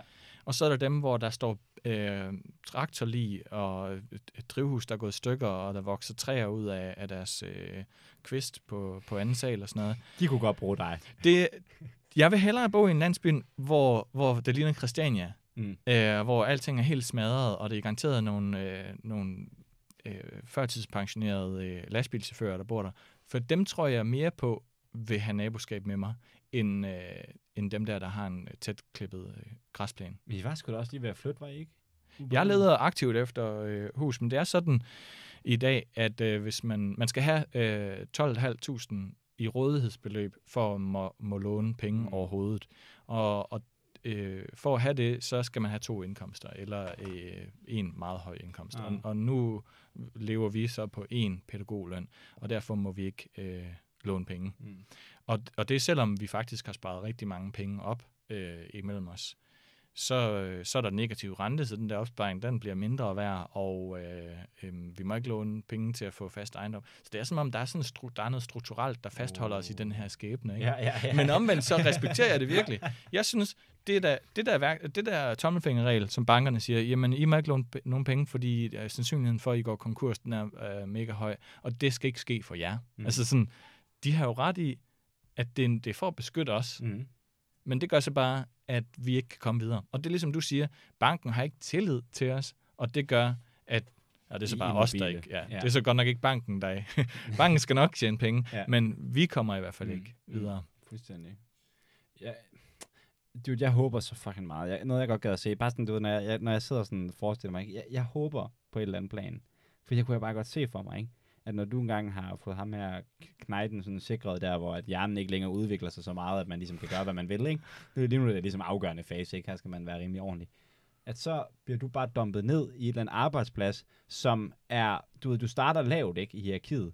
Men det er sådan en arbejdsplads med stor potentiale, ligesom dansk supermarked, ikke? Hvor Mm. der er et hierarki, der ligesom faktisk trækker sig op til et sted, hvor man virkelig kan... Hvor jeg kan stå for du- deres madspil, øh, madspil og, Ja, eller- og planindkøb. Ja, præcis. Jamen, altså, Ja. præcis på den der måde. For det, det, det tror jeg, jeg tror, man kunne placere dig fem år i Føtex, og fem år, du ved, år to, så er du butikschef, ikke? År tre, så er du det der, og fire er du det der, og fem er du det der, mand. Det, jeg håber, fordi jeg, jeg kan mærke, du har den her, hvor du romantiserer og går rundt og fa- fucking fejre et eller andet motorvej. Drop det der pis, dude. Du bliver nødt til at komme ind i et sted, hvor du kan komme til at stige i graderne. Om ikke andet for, at du kan give dig og din familie en fremtid øh, med en indkomst, der er, du ved, værd at tage, og, og ligesom at, at spise af. Ja, jamen, det lyder som om det, du siger, er, at jeg ikke har nogen aspirationer, og jeg har ikke nogen mål i mit liv, og at jeg ikke sigter højt nok. Det gør jeg, dude. Det- Jeg, har, okay. jeg tror, jeg kan opfinde det digitale system, det er også som rigtigt. kan redde menneskeheden. Dels så kan det øh, fortælle folk, hvad de har af ressourcer, og det kan hjælpe store organisationer til at overvåge og planlægge deres indkøb, sådan at man undgår ressourcespil. Jeg vil lave menneskets redning. Uh, det er sgu da at skyde rigtig højt. Det er fucking Men jeg er ydmyg samtidig, ikke? Ja. Ja. Jeg føler mig ikke bedre end andre, og, og, og når jeg gør, så skammer jeg mig over det. Og, og altså, jeg vil gerne, øh, jeg vil gerne starte lavt. Men hvorfor er det så ekstremt, det der? Hvorfor skal det være så ekstremt? Hvorfor skal det være, enten skal, skal jeg redde verden, eller så skal jeg fejre en motorvej, mand? Hvorfor, hvorfor, hvorfor, du ved, hvorfor ikke bare sige, ved du hvad, jeg er villas, jeg kan det her, jeg er fucking dygtig, jeg, og du er fucking dygtig, og du er fucking sindssyg, og du er fucking unik på så mange måder, og i, et eller andet, hvis nogen skulle fucking lave Hyponet, så skulle det være dig. Men nogle gange kan jeg også bare tænke, du drop nu det der pis, og så tag dig et arbejde, og gør det, du er allerbedst til, og det er at arbejde som et svin. Og så fucking, du ved, tjene nogle fucking big dollars, mand. Det var det der, som jeg nævnte tidligere, at folk de siger, hvorfor har du ikke gjort det Ja, der? Ikke, Men nu ikke? er jeg, siger, faktisk det. hjemmegående. Jeg Jeg- siger, jeg giver dig en opgave. Jeg siger, Ja. gør det i fremtiden. Nå, okay. Det er det, jeg siger. altså, jeg prøver ikke at sige, jeg siger ikke, hvorfor Nå, du ja, i ikke fremtiden. Jo, Jeg når- siger, jeg siger hvorfor Ja. gør du det? Jeg, det, det? Det håber jeg på et eller andet måde. Der, jeg siger bare, der er en del af mig, der håber, at det er det, du kommer til at gøre. Øh, du ved, når du engang er færdig med Finn her. Ja. At så er det det, du gør, og ikke at du bliver ved med at arbejde videre på Hyponet, eller at du bliver gadefejrer. Jamen, Men det kan du regne med. Det kan jeg godt regne med. Det, det vil jeg love dig. Okay, ja. Jeg, jeg skal nok komme ud af, det, af den gode situation, jeg er i Ja. nu. Når omstændighederne er anderledes, så Ja. vil jeg gøre nogle andre ting. ja. Øh, og vil altid øh, være arbejdsom og øh, sigte efter nye højder. Men Det er det, øh, ja. Og jeg ved lige meget, hvad du gør, så kommer det også til at blive grineren og awesome, og, og noget, man aldrig nogensinde havde set komme. Jeg havde fandme heller ikke set komme, at du skulle være hjemmegående far. Så jeg har givet op Men altså, hvis der er andre hjemmegående fædre derude, som vil være Så- et team. som vil være med i et hjemmegående fædreteam, lidt ligesom mødrene, de her mødregrupper, altså, vi, vi skal pingponge op af hinanden, og, og melde jer ind i hjemmegående fædre Facebook-gruppen. Øh, Jeg er derinde, og jeg Findes har planlagt, ja, Ej, jeg har planlagt begivenheder derinde. Grund til, at du ikke ved, at den findes, det er, fordi du ikke er hjemmegående far. Ja, det er rigtigt. Men altså, det er også svært at nå ud til, til dem, fordi hvor er det, de færdes henne? Altså, øh, når jeg spørger på Facebook, er der nogen hjemmegående fædre derude, Mm. som vil være med til at mødes? Så er det de hjemmegående mødre, der svarer, ja ja, det må der masser af. okay. Men er det en gruppe eksklusivt for hjemmegående Ja, forældre lavet- eller fædre? Jeg har lavet rigtig, jeg er med i alle Facebook-grupper, man kan være med i, Mm. og alle dem, jeg ikke har kunnet finde, dem har jeg oprettet selv. Okay. Jeg har også en øh, Facebook-gruppe, der hedder øh, Adapter og Opladere. Øh, fordi du ved, al, alle voksne mænd, de har en kasse, en IKEA-kasse derhjemme, fyldt med øh, sådan nogle 12 volt og 6 volt adapter fra, fra det elektriske ting, de har ejet igennem tiden, og så vil, Ja. vil de ikke smide den her ud, fordi den kan bruges stadigvæk, ikke? Og, øh, og jeg har en kasse ligesom det der, og, og jeg leder specifikt efter en 1,2 volts adapter til at oplade øh, nikkel, øh, hvad hedder de, magnesium, øh, de der nikkelbatterier. Øh, men, men ja, det er så sådan et briotog, som skal oplades. Ah. Så hvis der er nogen, der har det, så meld jer ind i den her Facebook-gruppe, der hedder Oplader og Adapter. Altså, jeg tror aldrig, jeg har lavet podcast med så mange konkrete reklamer, og så mange forskellige andre reklamer. Det er ret fedt. Øh, jeg skal også sælge min bil jo. Ja, nå Ja. ja. ja. Kom, kør. Øhm, hvis der er nogen, der lover at, at køre ikke særlig meget, men langt nok til, at øh, den her stakkels bil, som stadigvæk kan køre, at den får lov til at, at, at leve. Og når, den ikke, når det ikke giver mening at reparere på den mere, så kasser den. Altså gør det. Men den vil jeg gerne sælge. Den er nysynet. Den har kørt 280.000. Jeg har kun kørt 100 af dem. Ja, i tre år. Der er ikke kørt særlig meget i den. Og den kører, den kører strålende, ikke? Den, er den, en strålende bil. brummer. Den, den, det er ligesom en traktor. Ja, ja. Den er lækker. Og den kan trække, altså til festivalen, øh, alt det materiale, som jeg har været ude og hente ved teknisk skole, og alle de, alle de materialer, som folk har bygget af, dem har jeg jo hentet gratis. Upcycling, du ved. Mm. Det er bæredygtighed, det her. Mm. Ja. Boom. Jamen, uh, Vilas, uh, jeg tror bare, jeg vil sige uh, tusind tak, mand, fordi at du gad at være med her, så afslutter vi det her interview på, på en note om, at du måske får solgt din bil. Ja. Det er fedt. Jeg Tak. gider heller ikke snakke med dig mere. Nå, jamen, jeg vil gerne snakke med dig, men bare, nu, skal vi, nu kommer vi til det rigtige. ja, Ja, ikke? Men uh, ja, det, var- det var lækkert at snakke med dig, mand. Jeg Tak. håber, jeg glæder mig til at, jeg tror, folk vil få rigtig meget ud af at høre, høre din stemme.